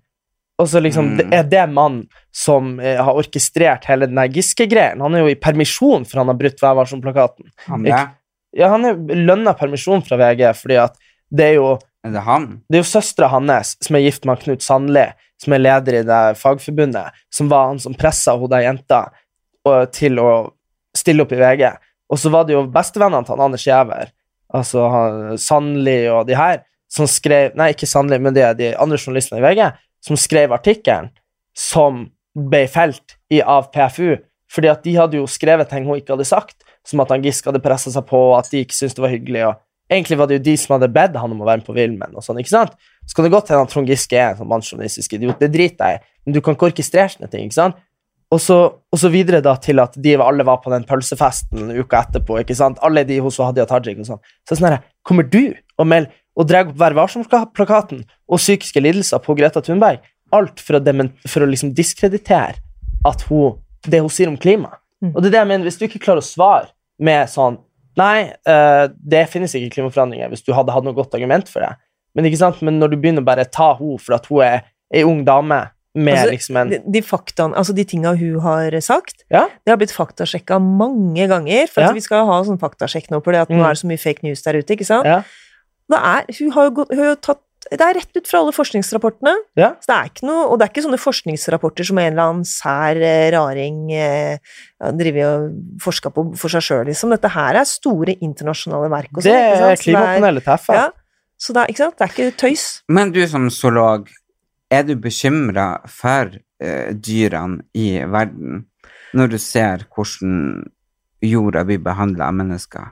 Altså, jeg er bekymra som zoolog, men ærlig talt, jeg er jo minst, eller enda mer bekymra som menneske. Altså, vi kan si at vi er redd for at, det, eh, for at korallrevene skal dø ut, eller skal, havtemperaturen, litt økning i havtemperaturen der, så dør de. Vi kan være redd for at eh, Altså, mange dyr dør ut, men det er, det er oss. Oss som får det største problemet. Mm. Altså, dyra dør ut. Det, ja, det kommer til å skje. Men så er det vi som kommer til å sitte og ha trøbbel. Det er det som er liksom, folk ikke helt skjønner. De tror liksom at vi tar vare på naturen for de som er interessert i naturen, for de som er interessert i de som liker å gå på tur, eller de som liker å dra på safari, eller de som liker å se på naturprogrammer, eller Ikke sant? Men det er ikke de vi tar vare Altså, det er ikke der den største krisa er når det gjelder klimaforandringer. Det er jo oss, Mm. folk. Det er vi som får det største problemet, og så kan vi tenke ja, men vi i Norge, det er ikke noe problem for oss i Norge her, om temperaturen stiger litt her, så blir ikke det noen krise. Nei, det kan godt tenkes, men alle de andre landene som det blir krise, alle de folka kommer til oss, Ja. da vi har Men ikke plass. Men, og det skjønner jeg jo, men jeg er jo litt mer um, Jeg tenker litt mer Hvorfor døde geirfuglen ut? Den døde ut fordi at vi jakta på den. På grunn av at den hadde en spesiell olje i kjøttet? Og fordi den kunne ikke fly, så den var utrolig lett å jakte på. Det var, Ja. altså, det, den, den, den bodde jo Altså, den levde jo steder som det ikke kom rovdyr til. Altså, det var ikke rev der og sånn, ikke sant? Og dermed så, så var, lå den, var den, hadde den det veldig trygt der. Ja. Han, han var jo mer tilpassa det å kunne svømme. Altså, han kunne jo ikke fly, ikke sant. Og dermed så var den kjempelett å fange, og vi tok den fordi det var masse av dem. Og da er det lett å ta dem, og da vi blei litt grådige, ikke sant, og vi hadde jo ikke noe peiling på sånne ting da, om at, at, noe, at det er synd at noe dør ut. Men, men, men sabeltanntigeren, og så har vi mammut. Mm. Men de, det er jo dyr som har Hvis jeg får lov å svare òg? Ja. Det er jo dyr som har Det er jo dyr som har dødd ut fordi at uh, verden har endra seg sånn at de ikke er levedyktige. Ikke sant? På et Altså, naturlig vis. Ja, fordi sabel, sabeltanntigeren hadde sannsynligvis et fortrinn når han fikk lengre tenner, ikke sant? Så de, de, de av samme art som ikke hadde samme, de, kanskje de forsvant over tid, ikke sant? Mm. Det som skjedde var at det genet som var sterkt, som gjorde at du fikk lengre tenner, blir jo forsterka ved at de samme dyrene parer seg med hverandre og får flere Mm. barn, ikke sant? Mm. Til slutt så ble jo tennene hans så lang at han var jo helt eh, at, at det var som en defekt, ikke sant? Ja, men det er ikke, antagelig ikke derfor han døde ut, da. Nei, men altså, ja. Hvorfor døde han ut, tror du? Nei, jeg vet ikke hvorfor han døde ut, men altså det at arter dør ut, det er helt naturlig. Det gjør dem hele tida, ikke sant, og dinosaurene døde ut og sånne ting, men det som er forskjellen nå, da, det er det at nå dør de ut i en mye raskere hastighet enn det som er normalt. Nå står vi overfor den sjette største massedøden i verden. Altså den siste store massedøden vi hadde, det var når dinosaurene forsvant, ikke sant, og den forsvant jo fordi eller de forsvant jo fordi eh, vi hadde et svært eh, Vi tror da at det var et, en svær meteor som traff jorda, og dermed så ble det en stor eksplosjon, ikke sant, og så fikk vi sånne evig vinter, ikke sant, for at det var så mye aske i lufta og alle de greiene der. Og da, i løpet av mange, mange mange år, så døde altså dyra ut, altså Ok, ut. ok, så uh, tilbake til vanlige folk som forstår Mm. uh, like mye som jeg forstår. En meteor traff jorda. Mm. Det ble så mye aske rundt, uh, sånn at det ble sånn uh, som en slags tåke, så sola slapp ikke gjennom, så det ble kaldt, og det ble snø. Men de fortsatte å leve i noen år. ja, jeg vet ikke hvor lang tid det tok, og så sier man vel også at det var en kombinasjon at de omtrent på det samme tidspunktet, altså samme tidspunkt, om det er liksom, om det er 1000 år mellom meteornedslaget og det neste som skjedde, var iallfall at den, er det mange som påstår at det var en kjempe vulkanutbrudd, da. Eh, Ja. Akkurat sånn som vi har i, i Yellowstone, så har vi en sånn supervolcano som ligger under der, at den hadde et utbrudd. Og dere veit jo når liksom vulkanen hadde utbrudd på Island, så satt vi jo askefaste i, I noen måneder. Ikke sant? Ja. Tenk dere askefast i ja, jeg, jeg vet ikke, jeg er ikke, jeg er ikke paleontolog, ikke sant, i mange, mange år. Da betyr det at da får jo ikke plantene det sollyset de skal ha, ikke sant. Da vokser det ikke opp grønt, da er det ikke mat til de som lever av planter, og da dør de, og da er det ikke mat til de som lever av kjøtt, og da dør de. Og da har vi det gang, Dermed så døde dinosaurene ut, da. Er liksom en, den hovedteorien. Men øh, jeg er ingen paleontolog, jeg kan ikke nei, dinosaurer. men, du, men du kan jo mer enn en vanlige folk. Men, men det er jo mange da som sier eh, Grunnen til at jeg sa det, for det er mange som sier at uh, Hallo, uh, verden har jo gått under uh, før, og, og, og ting som har levd på jorda, har jo dødd ut før. Mm. Og det var før menneskene kom. Ja. Så Fem ganger har det skjedd. ja. Og da var jo ikke menneskene her. Så hva som gjør det til menneskets feil at det nå plutselig er eh, Kanskje det er bare rett og slett at i uh, forskjellige Det går sånn sykluser. sykluser at at, jorda må renses opp, og at det skjer av seg sjøl, at kanskje ikke det her er mil, eh, sånn menneskeskapte miljøet. Nå snakker jeg bare helt ut ifra hva mange folk mener. Ja, jeg vet det, Ja. men det, har vært Og, og, og da og tenker liksom Det her har skjedd fem ganger før, som du sier. Mm. Hva som, og det her kan være sjette gangen, men hvorfor skylder vi på menneskene? Fordi det er vi som ødelegger miljøene nå. Det er jo vi som brenner ned regnskogen, for eksempel. Ja. Masse arter som forsvinner der. Det er vi som har gjort at temperaturen Det er menneskeskapt temperaturøkning som gjør at mange arter kommer til å forsvinne på grunn av det. Fordi leveområdene, altså Vi ødelegger leveområdene til dyrene. Så det kan godt tenkes at det, altså, ja, dette her er den sjette store masseutryddelsen vi får. Problemet er det at det er vi også som kan dø ut av, da. Ja. Tror, du, tror, da- du, uh, tror du det? Tror du vi kan dø? Ja. Altså, maya, mayafolket, de døde jo ut. Hva skjedde? Hvor ble det av dem? Maya-indianere, Ja, finnes ikke ikke de lenger? Ja, nei, altså hele det store samfunnet som var der, ikke sant, når vi drar til disse her eh, de der, ja, Inka. ja, ikke sant, de der inne Jeg har aldri vært der, jeg, i Hva heter det Michu Her- Picchu? Machu Machu Picchu. Machu Picchu, ikke sant? Alle de der svære byggverkene der, det var kjempesamfunn der. Hva skjedde? Hele greia kollapsa. De blei borte. Noe skjedde. Hva skjedde? ikke sant? Ja. Samme skjedde med, på Påskeøya, ikke sant? Der vi har disse her Mm. store Ja, og det var det, det, Ja. det neste spørsmålet var til. Hva i faen som skjedde der? Det, det er sikkert mange teorier der. Tror du at det var kjemper som levde før oss? Nei. Det tror jeg ikke. Det jeg tror skjedde der, og som er liksom også vel den teorien som flest folk, altså de som holder på med det, tror, er det at det, der var det en skog, så brukte vi Altså, vi brukte de trærne til alt mulig rart, til brensel Eller de folka som bodde der, brukte trærne til brensel, til å bygge hus, til alt mulig rart. Til slutt så var den skogen borte, og da var grunnlaget for menneskenes eksistens også borte. Da døde de. Jo, men hvor er de figurene? De har de vel klart å lage. Vi har klart Hvor å lage de- pyramider. De figurene? Ja, nei, det, det er jeg ikke helt sikker på om de har fått til. Det er ikke, jeg er ikke sikker på om de veit det heller helt. Da. Men det er, ikke så, det er ikke så viktig når man roter seg vekk. Liksom sånn altså, Pyramidene i Egypt, vi vet jo fortsatt ikke hvordan de ble laga. Det er jo fantastisk byggverk. Ja, Her, her bruker vi Men vi liksom hadde jo ikke klart å bygge dem egentlig i dag med alle maskinene, Nei, men altså, I dag vi bruker faen meg 20 år på å pusse opp uh, på Sørenga. ikke sant? Så det er jo liksom, Men det er jo sånn at de brukte jo Det var jo sånn at de faraoene Det vi vet, er jo at de, de brukte jo mange hundre år. Ja. Det var jo sånn at en farao kunne starte, og så kunne tipp-tipp-tipp-tippoldebarnet se at de Ja. ble ferdig. Sånn. Men det var det jeg skulle si, at uansett Det er jo som han Kåre Willoch sa, at uansett Fordi det her blir to episoder, så det er ikke stress. Nei, nei, men stress, men jeg, jeg skal, vi skal være en plass om 1 time og 34 minutter. Hvem? Jeg skal ikke der. Ok, men jeg må jo Ja, ja, en time. Men, eh, samme det, samme det. Men Det det, går bra. Det går bra. To Ja. episoder. Mm. Men eh, det var det jeg skulle si, at uh, som han Kåre Willoch sa, at uh, om du bare ikke tror på alt forskerne gjør, om du tror på en sånn konspirasjon at uh, sosialister har eh, betalt forskere, 99 av alle i hele verden, til å liksom finne ut av de tingene man har gjort, da. Uansett så er det jo som han uh, Kåre Willoch sa Hvis Nei, hva var det han sa om det der brannforsikringa? Han, sa- Ja. han sa det at det er ikke det at du tror at huset ditt skal brenne, men du kjøper deg brannforsikring i tilfelle det gjør det. Ikke sant? Og det er så sant da at det er ikke sikkert at altså, La oss si at verden ikke går under, da, men det er nå Man tar jo forhåndsregler i tilfelle det kan skje, og det er jo det som er med sånn klimatiltak og sånn. Og, og man ser jo det at det er så mye Altså, hvis det finnes en konspirasjon om klimaforandringer, så er det jo andre veien.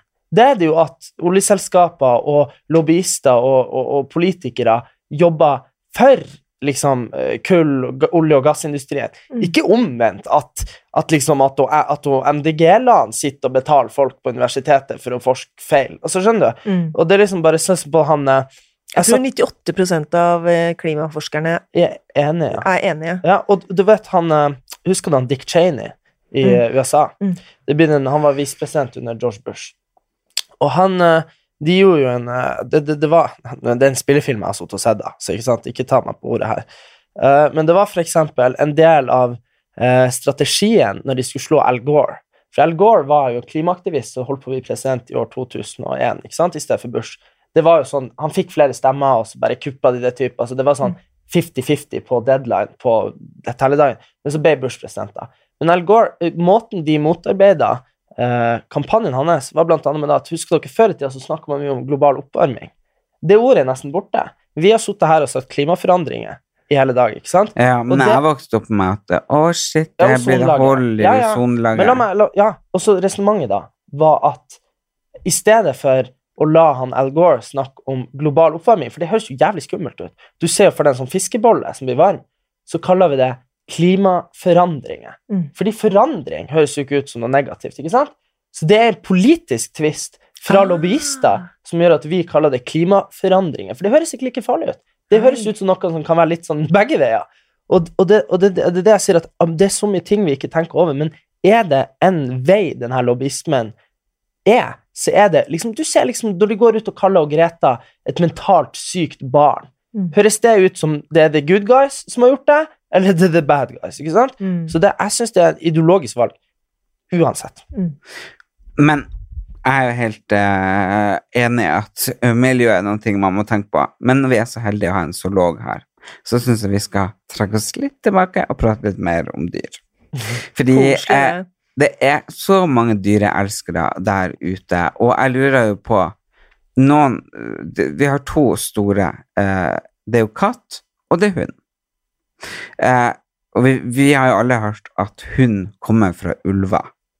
Ikke Altså, de sant? er, ikke bare kommer de fra, altså de er eh, Det er ikke bare sånn at eh, altså, en bikkje av de kan strengt talt få valper med en ulv, og få levedyktige valper. Og Nå er vel Er det, er det en hund, hundhund du har? Ja, ja hun kanskje 1,2 kilo. Ja, så hun er nok kanskje litt Det blir, kan bli en vond fødsel, men uh, så må nok bli keisersnitt, da. Ja, Men altså genetisk så er de Det er de samme, det er samme arten. det er det. Mm. Ok, og så har vi katta. Mm. Hvor hun kommer fra? Har hun vært en tiger? Nei, det har hun ikke vært. Jeg vet ikke helt hvor er det katten kommer fra, egentlig. Jeg er ikke sikker på hvilken art vi snakker om da, som er utgangspunktet for katten. Nei? Men altså, de er jo i slekt, da, med tigre. Ja? Men eh, det er ikke sånn nære sånn ulv og hund, nei. Nei, ok, så det er veldig Fordi jeg har ei venninne som bodde mange, mange år i Paris. Uh, og hun er en person som aldri lyver eller noen ting, så det her vet jeg jo stemmer. Uh, hva heter den store elva i Paris? Uh, det er ikke Thamesen, for det er jo i London, Ja. men det her er Ah, Vet ikke. Jo, jo, jo. Jeg husker ikke. Det er ikke Thamesen, men det er Ja, Å, jeg har vært det, det kommer på. Ja. I alle fall, hun bodde da i en husbåt. Ja. Uh, og uh, hun hadde jo sånn kuvindu i den husbåten, og så lå jo den liksom og dunka inn mot uh, dekk, sånne bilhjul, ikke sant, Ja. slik at de ikke skulle få oppskrapingen. I denne elva i, eh, i Paris så ble det kasta mye rart, fordi det flytta folk inn fra Europa, Afrika, Asia i det hele tatt, fordi eh, Frankrike har jo generelt vært veldig åpen med grensene sine. Så folk hadde med seg kjæledyr fra overalt. Mm. Så har folk enten kanskje ikke fått lov å ha det der de bodde, eller de blitt lei, eller de de som hadde det, hadde dødd, eller ikke sant. Så kjæledyrene har da blitt kasta ut i den elva i Mm. mange, mange, mange, mange år har det her pågått. Mm. Så hun sto jo og eh, så ut i vinduet, og så ser hun da eh, midt i ansiktet på en meget spesiell eh, rotte.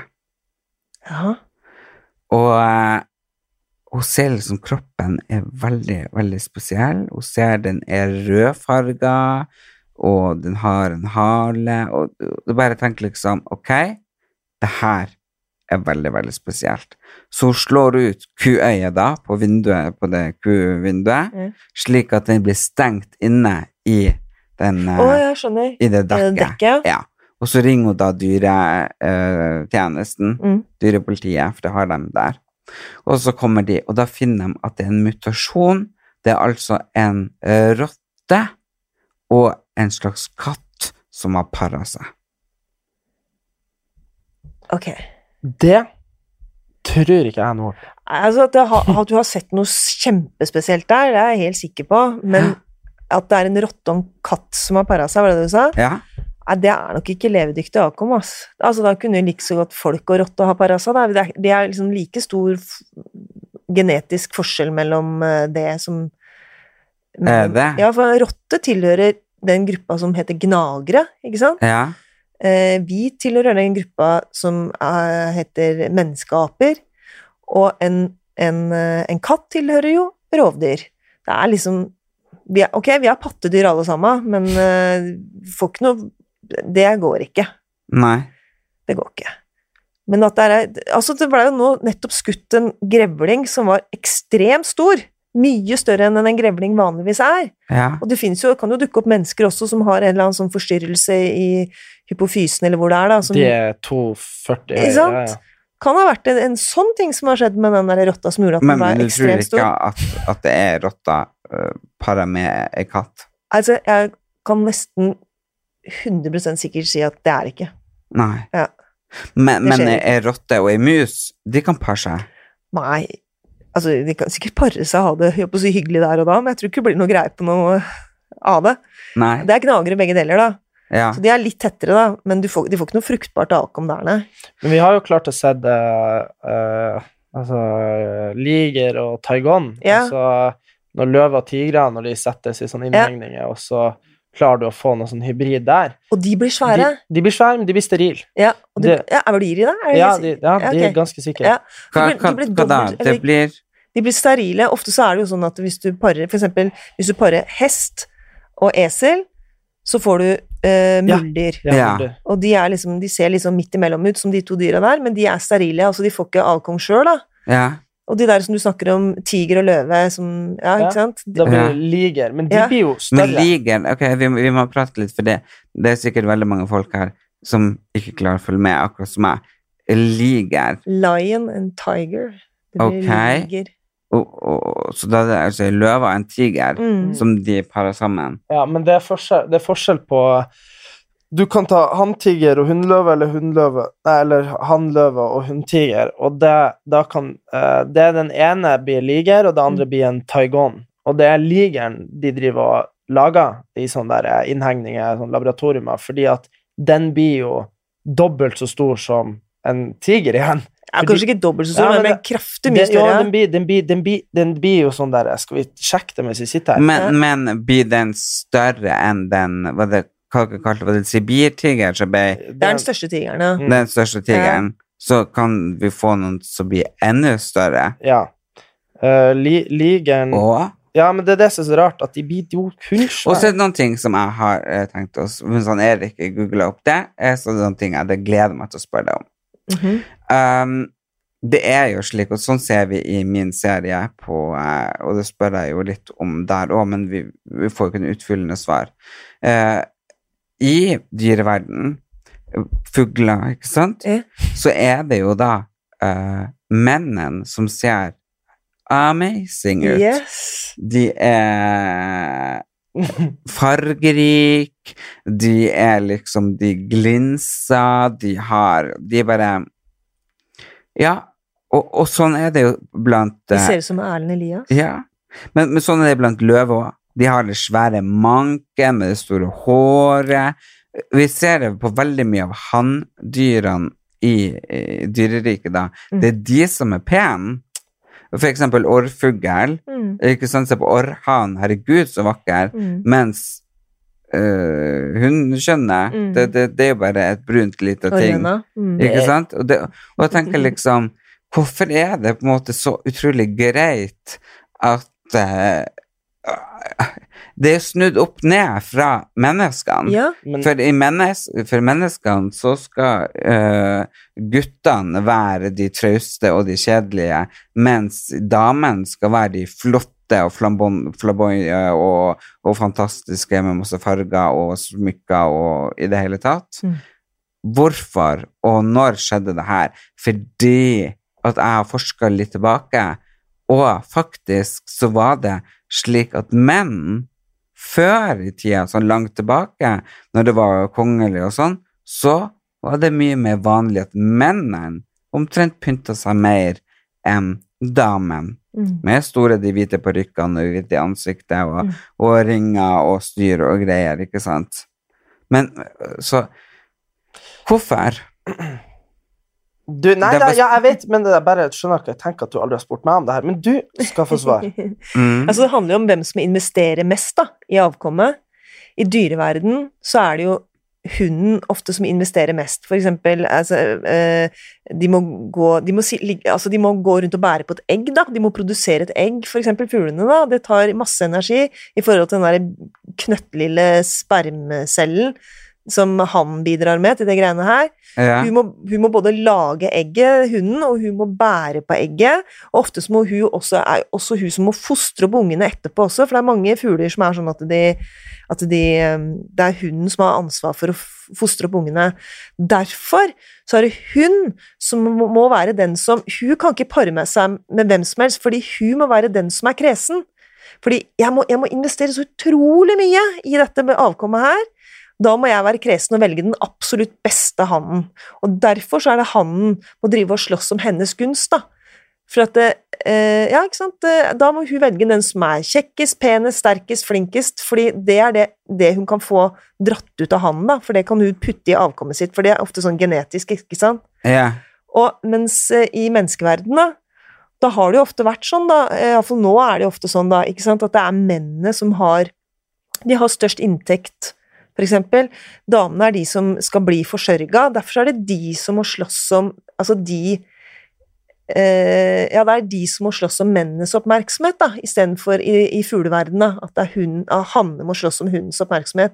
For nå er, da er det da er det mennene som må være kresne på ikke sant? Vil jeg ha den dama eller den dama eller den dama? Han har kanskje hus og bil og båt. jeg tror det har veldig mye Det har veldig mye å si at eh, vi mennesker er sosiale dyr. Ja. Fordi at kvinner vil jo på en måte Kvinner vil jo på en måte alltid du, du på en måte, I menneskeverden så er det veldig lett du, Det er jo gjort studier på det at hvis du er en mann, hvis vi rangerer oss fra 1 til 10 på hvor attraktiv vi er Hvis du er 1, 2, 3, 4 eller 5, Mm. så er du på en måte sortert ut allerede. Ikke sant? Så kvinner vil ofte sikte seg eh, De vil ofte gå oppover eh, når de Og av samme grunn som dyrene, når det Mm. kommer til avkom, at de vil sikte oppover for å få best mulig eh, Gener i sitt. ja, til Ja. Derfor så ser vi jo det at i verden, og særlig i vestlige land som sier Norge, så ser vi det at det er flere menn som har barn med uh, uh, det, nei, altså det, det er altså færre menn som har barn med flere kvinner. Det er derfor vi har enslige mødre og sånn, ikke sant? Mm. For da har de vært og funnet seg den flotteste, den beste, og så har han gitt en unge, ikke sant? Men så har jo de mange muligheter, Mm. de mennene som er på toppen, ikke sant? Så det er det at den, siden vi er sosiale dyr, siden det sosiale hierarkiet allerede er satt, så er veldig mange renska ut allerede.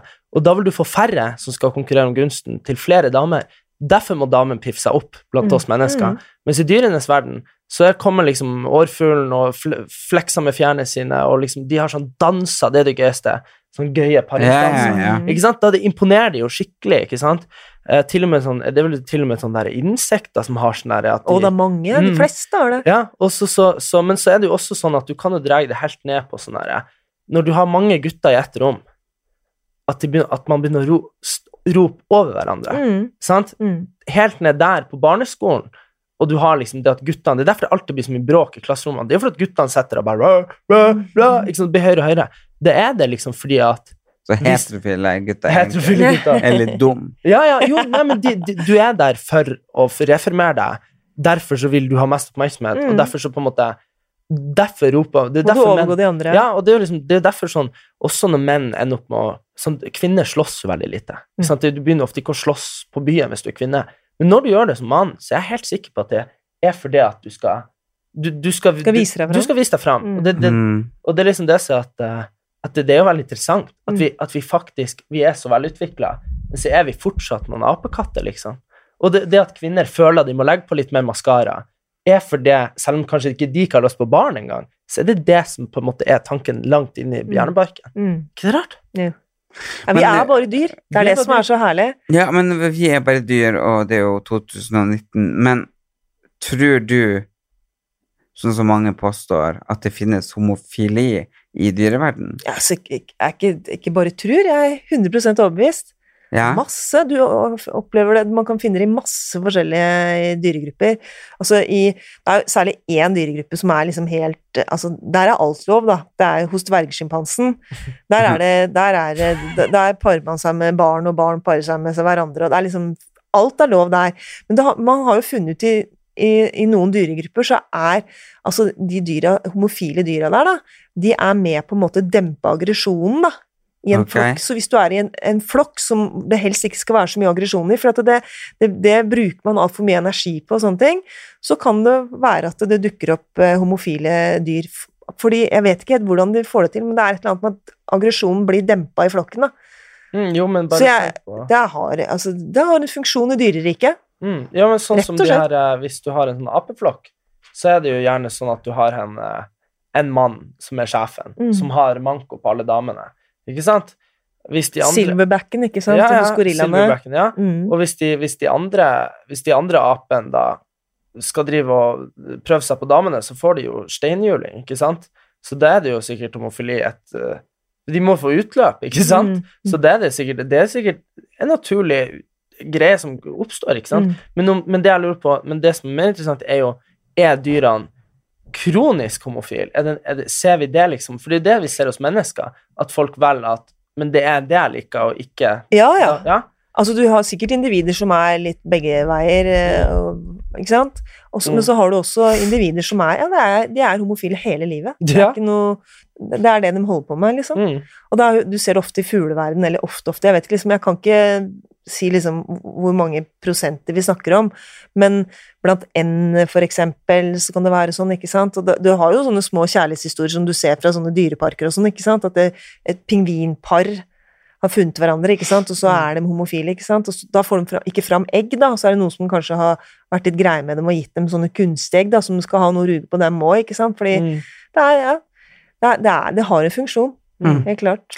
Men, men ehm, svaner sies det jo at de holder sammen hele livet, Mm. og hvis partneren dør, så finner de ikke seg ny. Da, da har de i hvert fall litt problemer med å få gjort det. Det er mange arter som har det sånn.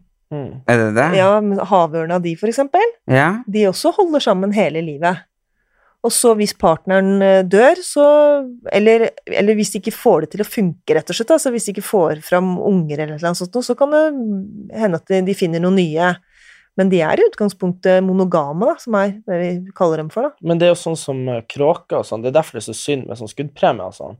Fordi at de er Vi hadde jo, herregud, nabokatter. Det her er en ny historie. Ja. Nå for noen eh, I sommer, da. Så nabokatter er helt en sinnssyk jeger. Drept 500 fugler om dagen. Stort problem, forresten. Ja. Vi trenger ikke snakke om det. Men uh, hun drepte jo Vi hadde noen sånn sjure i treet på verandaen. Og så var det ei Skjære, da. Skjære. oversetter Ja, ja. for øst... Riktig. eh, et par, et par eh, skjære. Og, og da klarte den å sitte i et smug, for de hoppa ned på plenen og lette etter mark eller whatever, liksom. Og så hørte, vi, hørte jeg bare et satans kalas plutselig. Og da var det enten mora eller faren, for de hadde unger da, som var små, som var blitt eh, drept eh, på plenen. Det var masse fjær, ikke sant? Og, og folk er jo ikke alltid så glad i skjære, ikke sant? Sjure. Men det som I dagene etterpå, den katta til naboen, altså, kunne ikke gå ut døra uten at den ble liksom angrepet Ja. av den uh, partneren, da.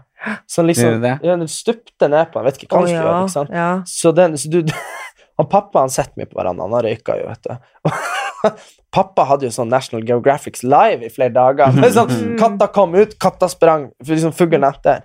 Og det er jo litt sånn der eh, Det er jo ganske sprøtt, for da har de jo faktisk en form for følelse òg. Oh, At, ja. at han der, motherfuckeren, drepte kona mi, han skal få Skjønner du? Ja, men det er klart de har det, og det er jo Altså, det er to ting å si om det. For det første, jeg bare fortelle om katta mi. Når hun er på hytta, så går jo hun løs. Mm. Og hvis vi lurer på hvor hun er Mm. og hun, ikke sant, Katter er jo sånn, du kommer jo ikke alltid hvis du roper på dem, ikke sant? Det er Nei, det som er så herlig med dem, ikke sant? Men da kan vi, da kan vi høre at det er noen skjærer som holder på inne i skogen her. Da vet vi at da er hun der. Mm. Da er, da er de der og sladrer på henne. Det andre er det at det, klart man har følelser. Og dyr kan også bli forelska.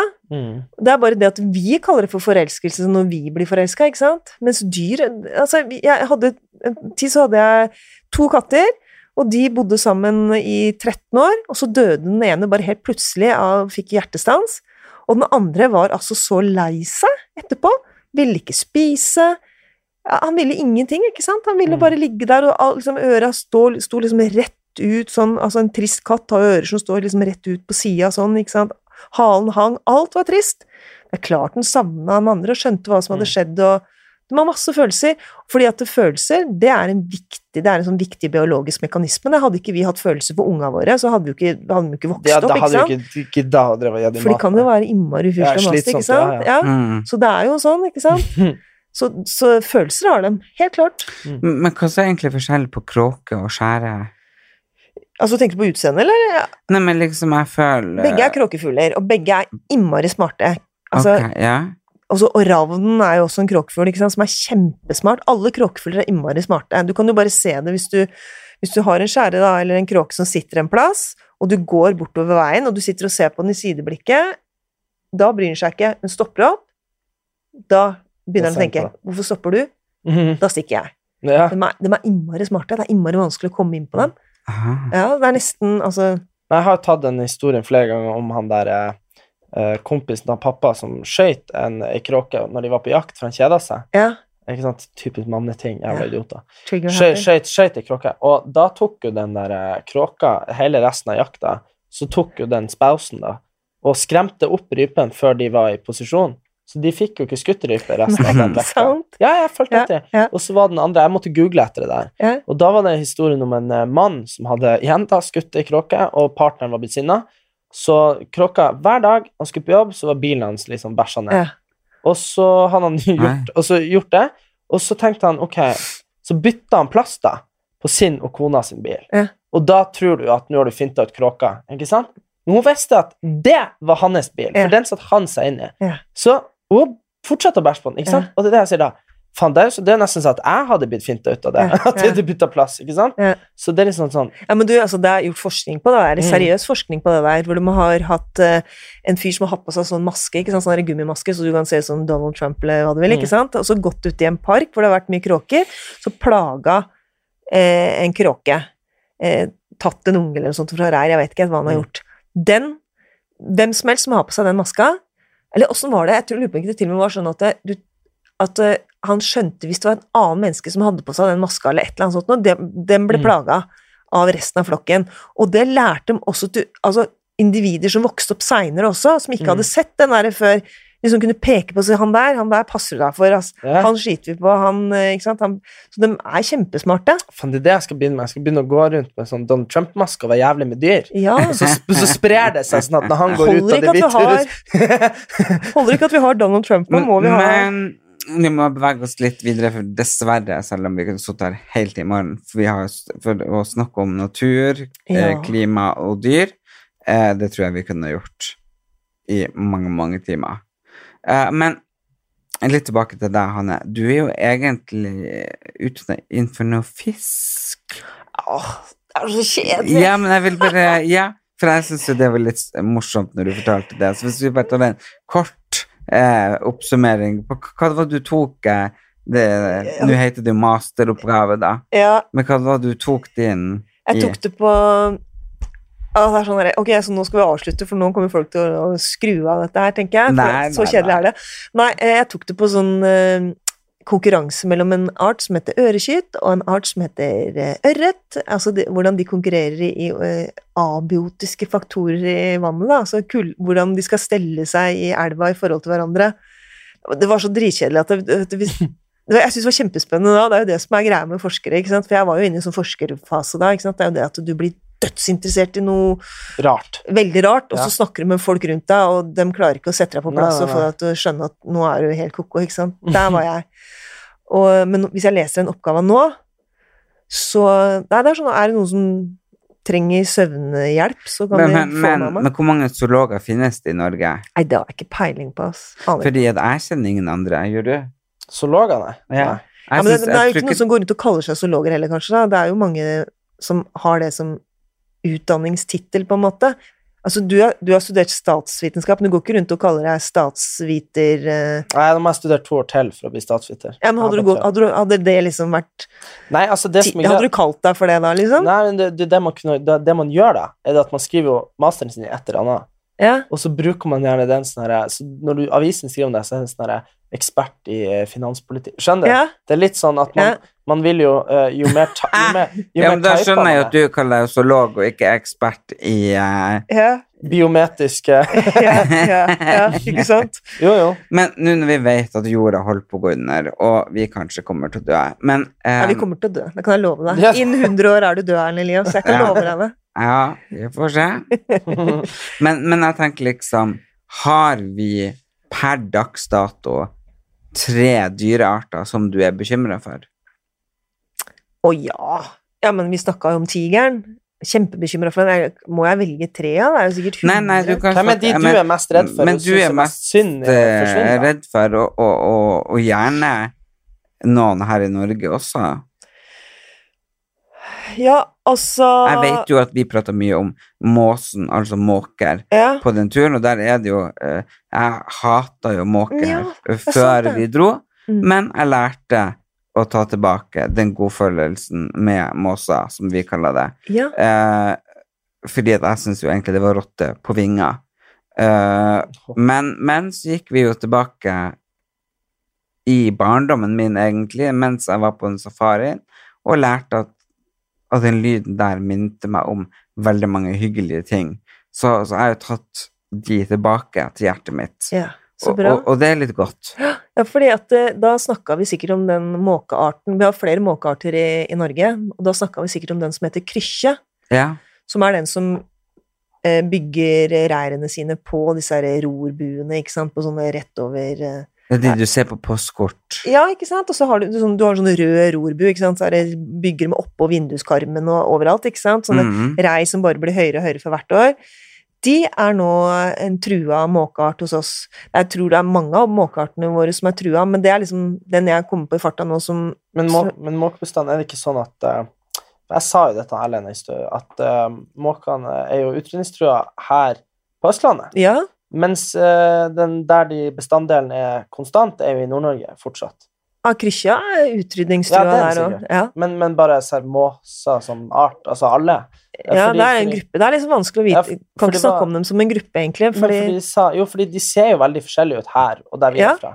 Der vi er fra, så er de litt sånn hvit og fin, mens her kan de fort være sånn, skjetne vinger. Nei, sånn, nei, nei. de du ser da, det er eh, unger. Altså ungdommer. Ungdomsfuglen. De ja, er liksom brune De er helt brune, ja, ja. Ja. Vi har hatt, hatt måkeunger på verandaen som har vokst opp der. De ser kliss like ut her i sør som de ser ut i nord. Det er bare at vi har forskjellige arter. Da. Er I nord har dere krysjer, det har vi ikke her, eh, her i Oslofjorden, liksom. Og krykkjene er innmari De er jo veldig hvite, og så har de sånne sorte bein, ikke sant, som er Og de er altså i ferd med å dø ut. Og Mm. det er, ja, det er lyden av, det er lyden av deres barndom, i hvert fall. Mm. Men, men det var jo eh, Ja, ja, men altså, sant det, Eller i ferd med å dø Men ut, jeg er må jo si at det, det er jo noen det går, det går nesten ikke an å like det. Altså, sorry. men altså, det er synd at de dør ut, ikke sant, men det er litt sånn Altså, det det er litt sånn som jeg har med sånn Liverpool-supportere. Jeg vil ikke de skal dø, ikke sant, men jeg bare Nei, nå må jeg gå ut herfra. Jeg kan ikke snakke med deg. Er du ikke Liverpool-supporter? Nei, nei. Men sånn eh, Jeg liker dere ikke, men, men jeg vil ikke dere skal dø. Nei. men det er litt sånn med måser sånn, De er jo liksom bare Kråker føler jeg det er noe mer bak. Ikke sant, bak blikket. Mens Ja. måser er liksom sånn her Du kaster noe, og så er de bare sånn ja! Og så liksom samler de seg og liksom Ja, men det er den måten de overlever på, da. Ja, jeg skjønner Mm. det. Men uh, skal vi Skal vi runde av, Erlend? Uh, ja, men nå skal vi ha et uh, liten quiz for henne. Og du, Erik, eh, har jo mange spørsmål. Det har du jo bestandig. Ja, Nå kan du få lov å fyre løs og spørre om ting uten at jeg skal blande meg inn. Ok, ok, ok. Ja. Nei, det var veldig vanskelig sånn der. Det var, du skulle ha quiz. Men nei, jeg Nei, det her var veldig vanskelig. Nå blir jeg helt stakkato. Nei, men det er jo for eksempel eh, Sånn som jeg hørte på radio nettopp, hvorfor eh, måken er rød på nebbet. Og det er jo ei som mener at det er på grunn av at hun kommer fra At måken er da djevelens eh, fugl, og det er blod som er størtna, ikke sant? Ja, det lurer ikke jeg på, men eh, Er det noe- Nei, jeg vet ikke. Det er mange sånne myter som henger med mange dyr. da. Altså For eksempel hyse. Mm. Den har jo, altså Fisken hyse har jo en sånn der svart flekk på sida av kroppen. ikke sant? Mm. Og Da var liksom myten det at ja, men det er fordi at uh, jævelen var ute og fiska, ikke sant? og så Mm. fikk han opp denne fisken. Sånn så stygg at Nei, og så tok han, liksom fikk han tatt den da mellom to fingre, og så hørte han ikke den derre svilyden av eh, Så han fikk svidd fingermerkene sine i den. Men han var så sleip og glatt, da, den fisken, så han kom seg ut, ut igjen. ja. igjen. Det er ikke størkna blod, den der eh, røde flekken. Ok, men da tar jeg rett og slett et, en quiz, eh, og den quizen, eh, den er og Hanne og han Erik Å, skal vi konkurrere, liksom? motstandere. Fordi Oi. han Erik er jo en eh, liten bedreviter, så det er veldig artig Og eh, rett og slett eh, Ja, la han konkurrere. Ja, så da må vi begge bare avgi svar, og svar avgitt, og så sier du svaret, og så teller vi poeng. Ok, klar Ja. det, går. Hvilken slange er det som beveger seg raskest i verden? A. Hoggorm. B. Korallslange. C. Svart mamba. B. Ikke A, i hvert fall. Jeg hadde, hadde lyst til å si B òg. Men du kan også si B. Du har lov å si B. Du. B er ikke riktig. Ja, da er det C. Eh, riktig. Eh, mamba er slangen, og i 1906 ble hastigheten til en svart mamba målt til 11 km i timen. Spørsmål nummer to. Hvem bruker sommerfugl eh, Nei, unnskyld. Hvem bruker sommerfugler... Hva bruker sommerfugler snabelen sin til? Skal jeg bare svare? Ja, ja. Suge nektar. er riktig. 2-0 til Hanne. 2-0 og svart. Du, du, bare, du bare B er feil. Hun bare Der er C. 1-0. Ok, da 1-0. Ja. Hvilket dyr har så effektive nyrer at urin kommer ut som en tykk sirup, og avfyllingen er så tørr at den kan bli brukt som brensel? Ok, da svarer jeg med en gang bie. Feil? Fett, da. Jeg ville sagt fugl, da. En eller annen fugl. Det er også feil. Hva er det for noe? Ah, det aner jeg ikke. Det er kamel. Ah, selvsagt. Den, den burde vi ha klart å tenke oss Så fram til. har den uh, Det er jo veldig Får du, spesielt. får du, får du uh, sirup av kanel? Eh, Kamel? Kamel? Eh, ja, men husk på, den er jo tilpasset det å kunne leve Altså, den kan jo gå i Men får du sirup? Jeg skjønte ikke det. Ikke heller. sirup, akkurat, men den har vel sirupkonsistens. Oh, ja, Den urinen Du tenkte deg jo at du fikk eh... Nei, hvilket dyr har så effektive nyrer at urin kommer ut som en tykk sirup, Oi. og avføringen er så tørr at den kan bli brukt som brensel? Jeg tenkte jo at det var at liksom bien at du fikk sånn honning. Ja, det var Men bare, smart bare et lite spørsmål eh, som jeg og Erik pratet om her om dagen. Mm. Eh, eh, vi har jo humle, og så har vi bie. Og begge lager jo Altså, poenget er at humler er en Altså, bier er den store, store sekkebetegnelsen. Humler er en type bie. Ok? Men hva var spørsmålet? Ja, for de kan jo de er, Vingene er jo egentlig for små for at de Nei, det er en myte. Det er en sånn kjempegammel myte som egentlig bare er tull. Ja. De har ikke for små vinger til å fly i det hele tatt. Og spørsmålet uh, oppi alt det der var hva slags eh, Hvorfor og hvorfor i svarten finnes det veps? Hva det har slags funksjon? Det er masse dyr som lever av veps, da, som spiser veps. Er det det? Ja, ja. Fugler, masse fugler. Du har en egen art, en egen fugleart som heter vepsevåk, ikke sant, som er spesialisert på å ta veps. Det er jo Ah. Så vi er, det, Jeg trodde bare vepse var for å være irriterende. Nei, men altså, alt henger sammen. Men hvorfor, men du, det må være så sånn, hvorfor stikker vepsa når hun dør når hun stikker deg? Ja, fordi da har han, har han iallfall sørga for at du veit at det er et vepsebol i nærheten, og da holder du deg unna det bolet, og dermed så har han fått redda sine Men de, er ikke sånn, de, er ikke, de, er ikke, de hadde ikke stemt Fremskrittspartiet, de vepsene, for å si det sånn. De, hadde ikke, de, er ikke, de er ikke liberalister og tenker Nei, på seg nei. sjøl. Nei, ok. Nei. Det kollektive Ja, Så det er sånn kommunistdyr? vepse. Rett og slett. Ja, okay. Og så er det ei dronning, og hun drar og parer seg med eh, i et humle eller sånn bo- bol, og, og legger liksom egg, egg, egg, egg, og så ligger de der om vinteren. Ja, hvis du har et humlebol, hvis det er ei dronning som, eh, som eh, har vært ute på vift, og så har hun para seg Jeg tror kanskje hun bare har para seg med én hann, som hun har funnet en eller annen gang, Ja. og så bygger hun opp et bol, og så får hun masse avkom. Eller ta bier, da, for det er liksom de mest sosiale insektene som vi har, liksom, og, som, og så, Da får biedronninga avkom, og dette er arbeidere, alle, alle, alle sammen, og hun har dem i sin hule hånd, for hun sender ut noen feromoner som gjør at disse her de, de blir hennes slaver, på en måte, og bare lager nye slaver til henne. Men etter hvert så blir kolonien så stor at de som er helt ytterst, der når ikke feromonene, altså disse luktstoffene som dronninga lager, de når ikke helt ut dit, og dermed så kan de der begynne å lage nye dronninger. Aha. Og så blir nye dronninger produsert, og så blir de eh, Blir det krig, da? Ja. Det kan bli krig, ja. Herregud, det er jo som mennesker, hele greia. Ja, Det er bare det, det er som øst mot vest. Eller vi mennesker er som dyra.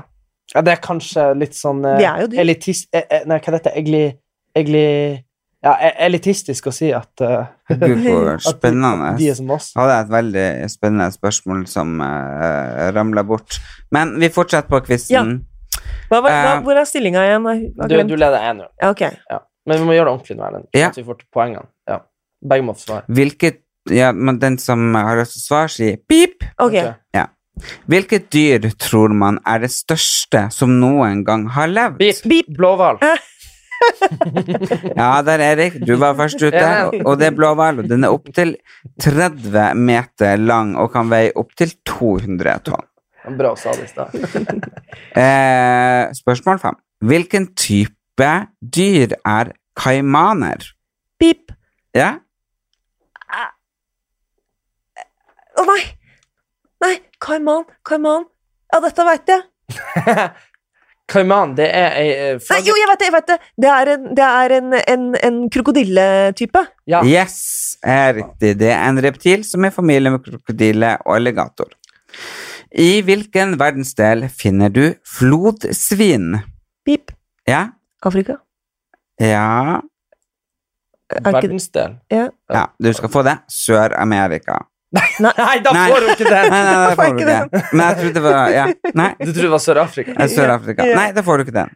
Sør-Amerika. Går, går poeng til han da? Nei, det gjør det ikke. To en til deg. Syv. Hvilken pingvin er den største? Du kan Beep! Kongepingvin. Nei. Keiserpingvin? Yes. Er, det, er, ikke det det samme? Ok, greit. Nei. Spørsmål åtte. Hva er den eh, største fuglen som har opphav i Australia? Hva er den største fuglen som har opphav i Australia? mm. Beep. Ja? Altså, vi snakker om en fugl som er der i Australia, og som lever fortsatt, eller? Det vet jeg ikke. Den første, største fuglen vi har, er jo struts, men den er jo ikke i Australia. Emu Ja, Ja, ok. Hva det var for. Emu er en strutselignende Ah, okay. fugl som lever i Australia, men okay. jeg tror jo strutsen er større enn emuen. Ja, men den største fra Australia. Ok. den har en høyde på 190 cm og en vekt på 55 kg. Ja. Fossa er et kattelignende rovdyr som er i slekt med arter i mungo-familien. Den finnes kun i ett land i verden, og hvilket land er det? Beep! Mongolia. Nei, Svarte. Hvilket dyr sa du? Uh, mungo-familien. Ja, men hvilket dyr var det? Fossa. Fossa, Ja, ok. Ja, beep. ja, Uh, Madagaskar. riktig. Svarte Ah. f... Helvete. Nummer ti. Hva er en bichon frossé? Beep. Ja? Er ikke det sånn bikkja? Jo, det er det. Det er en hunderase som opphav fra Frankrike. Ja. 11. Hvor mange muskler har den asiatiske elefantsnabelen? 600, 6000 eller 60 000? Beep. 60 000 må være noe sjukt. Ja, er riktig. Var det det? 60 000? Ja. Hvilken fugl har den, det største vingespennet? Beep! Ja. Det er jo eh, Det er jo eh, Det må være en falk eller havørn eller noe sånt. Nei. ok, Nei. Det, okay. Eh, albatross? Ja. Svarte. Vandrealbatrossen da et vingespenn på opptil 3,6 meter. Hvilken type, er, hvilken type dyr er en avosett? Beep. Den Ja. gavling. Nei, Jeg, jeg ville ha sagt det også sånn type et mårdyr. det er en fugl. En fugl, ja. Vet du ikke stillinga, husker du ikke det nå? Den 8-2, så jeg tror det er kjørt, altså. Nummer 14. Fra hvilket land er det alligatorer stammer fra? Beep! Eh, Ja. Du har eh, eh, Det må være Hvordan land? Er det det det står? Mm. Kongo. Det er, vet du det, Nei. USA og Kino. Søren hadde tenkt å si Hva? USA. USA og Kino. Kina. Kino, USA, Kina. Ja, Kina. Ok, jaha. Om du blir jaga av en bavian, hva er den eh, laveste hastigheten du må holde for å være sikker på å ikke bli tatt igjen? Beep! 16 km i timen. Å nei. Tipper han kan løpe fortere enn det. laveste hastigheten Altså hvor fort den kan løpe, rett og slett. Mhm. Altså Usain Bolt, hvor mye løper han på, da? Hvis vi sier sånn 78 km i timen, da. Hæ, hva sa du? Han løper sånn 38 km Ja, 38. Jeg syns du sa 78. Nei, ja, jævlig rask. Ja, la oss si 40 km i timen, da. Ja, det er nesten Du er nødt til å løpe i 49 km i timen, for. Boviana har en hastighet på 48 km i timen. Grunnen til at jeg ikke klarte det her, for at vi kan ikke løpe så fort, så jeg antok at det ikke var sannsynlig. Det er to spørsmål igjen. Ja. Hva er normal levetid for en afrikansk savanneelefant? Beep. Ja. 29 år. Altså, visste dere at det finnes bare 19 elefanter igjen ville som har de der svære Kjempesvære sånne Hva heter det? Støttenner? Det lærte jeg i forrige uke. Nei, sant? Ja, i hele verden, skjønner du, så vi, de, de er også trua. Eh, nei, hvor gamle kan de bli? Hva sa du? 29? 29. 29? Om var nærmere. Nei, jeg tror de kan bli eldre. Jeg vil si, si 49, jeg. Den kan bli mellom 60 og 70 år. Ja. Så utrolig trist å tenke på Ja, at, no shit. at kanskje eh, barna dine, Erik, blir å tenke på den sånn som jeg tenker på mammuten. Nei, men mammuten er- Mm. forsvant jo for mange tusen år siden, da. Jo, jo, men den er borte for det. Ja. Ok, nummer 17. Hva heter Ja, Det var stillinga først nå? Må vi, er 9, 8, 8, 2 eller noe ja, men da må vi kjøre oddsen høyt, da. Ok, Hvis jeg klarer det her, så, så det her er ti poeng, det her på et ti poeng spørsmål. Ok?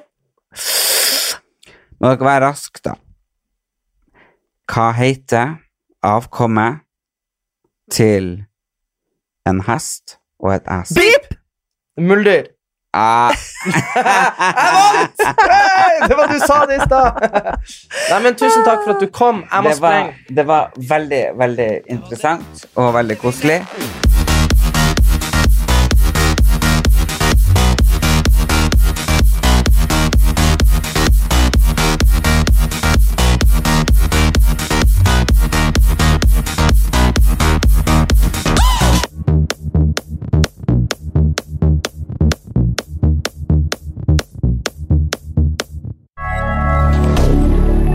Moderne media. Ukens annonsør er Folio, en smartere banktjeneste for deg som har en egen bedrift eller ønsker å starte for deg selv. Folio er en superenkel nettbank for bedrifter. Som kunde i Folio får du en bedriftskonto med et bedriftskort og app. I denne appen er det smarte løsninger som forenkler regnskapet ditt, uansett om du har en liten bedrift eller et enkeltpersonsforetak. Folio er både intuitivt og brukervennlig, og er laget med et enkelt språk. I tillegg tilbyr de forutsigbare priser og ingen skjulte gebyrer. Skulle du likevel trenge det, så kan du snakke med deres raske og hyggelige kundeservice, og der får du prate med en faktisk person og ikke en chatbot. Folio er med andre ord både enklere og koseligere enn banken. Over 10 000 bedrifter har allerede valgt Folio som sin banktjeneste, så besøk folio.no og se hvordan Folio kan forenkle din hverdag også. Har du et enkeltpersonforetak eller en liten bedrift? Da er du sikkert lei av å høre meg snakke om hvor enkelt det er med kvitteringer og bilag i fiken, så vi eh, gir oss her, vi. Fordi vi liker enkelt. Fiken superenkelt regnskap.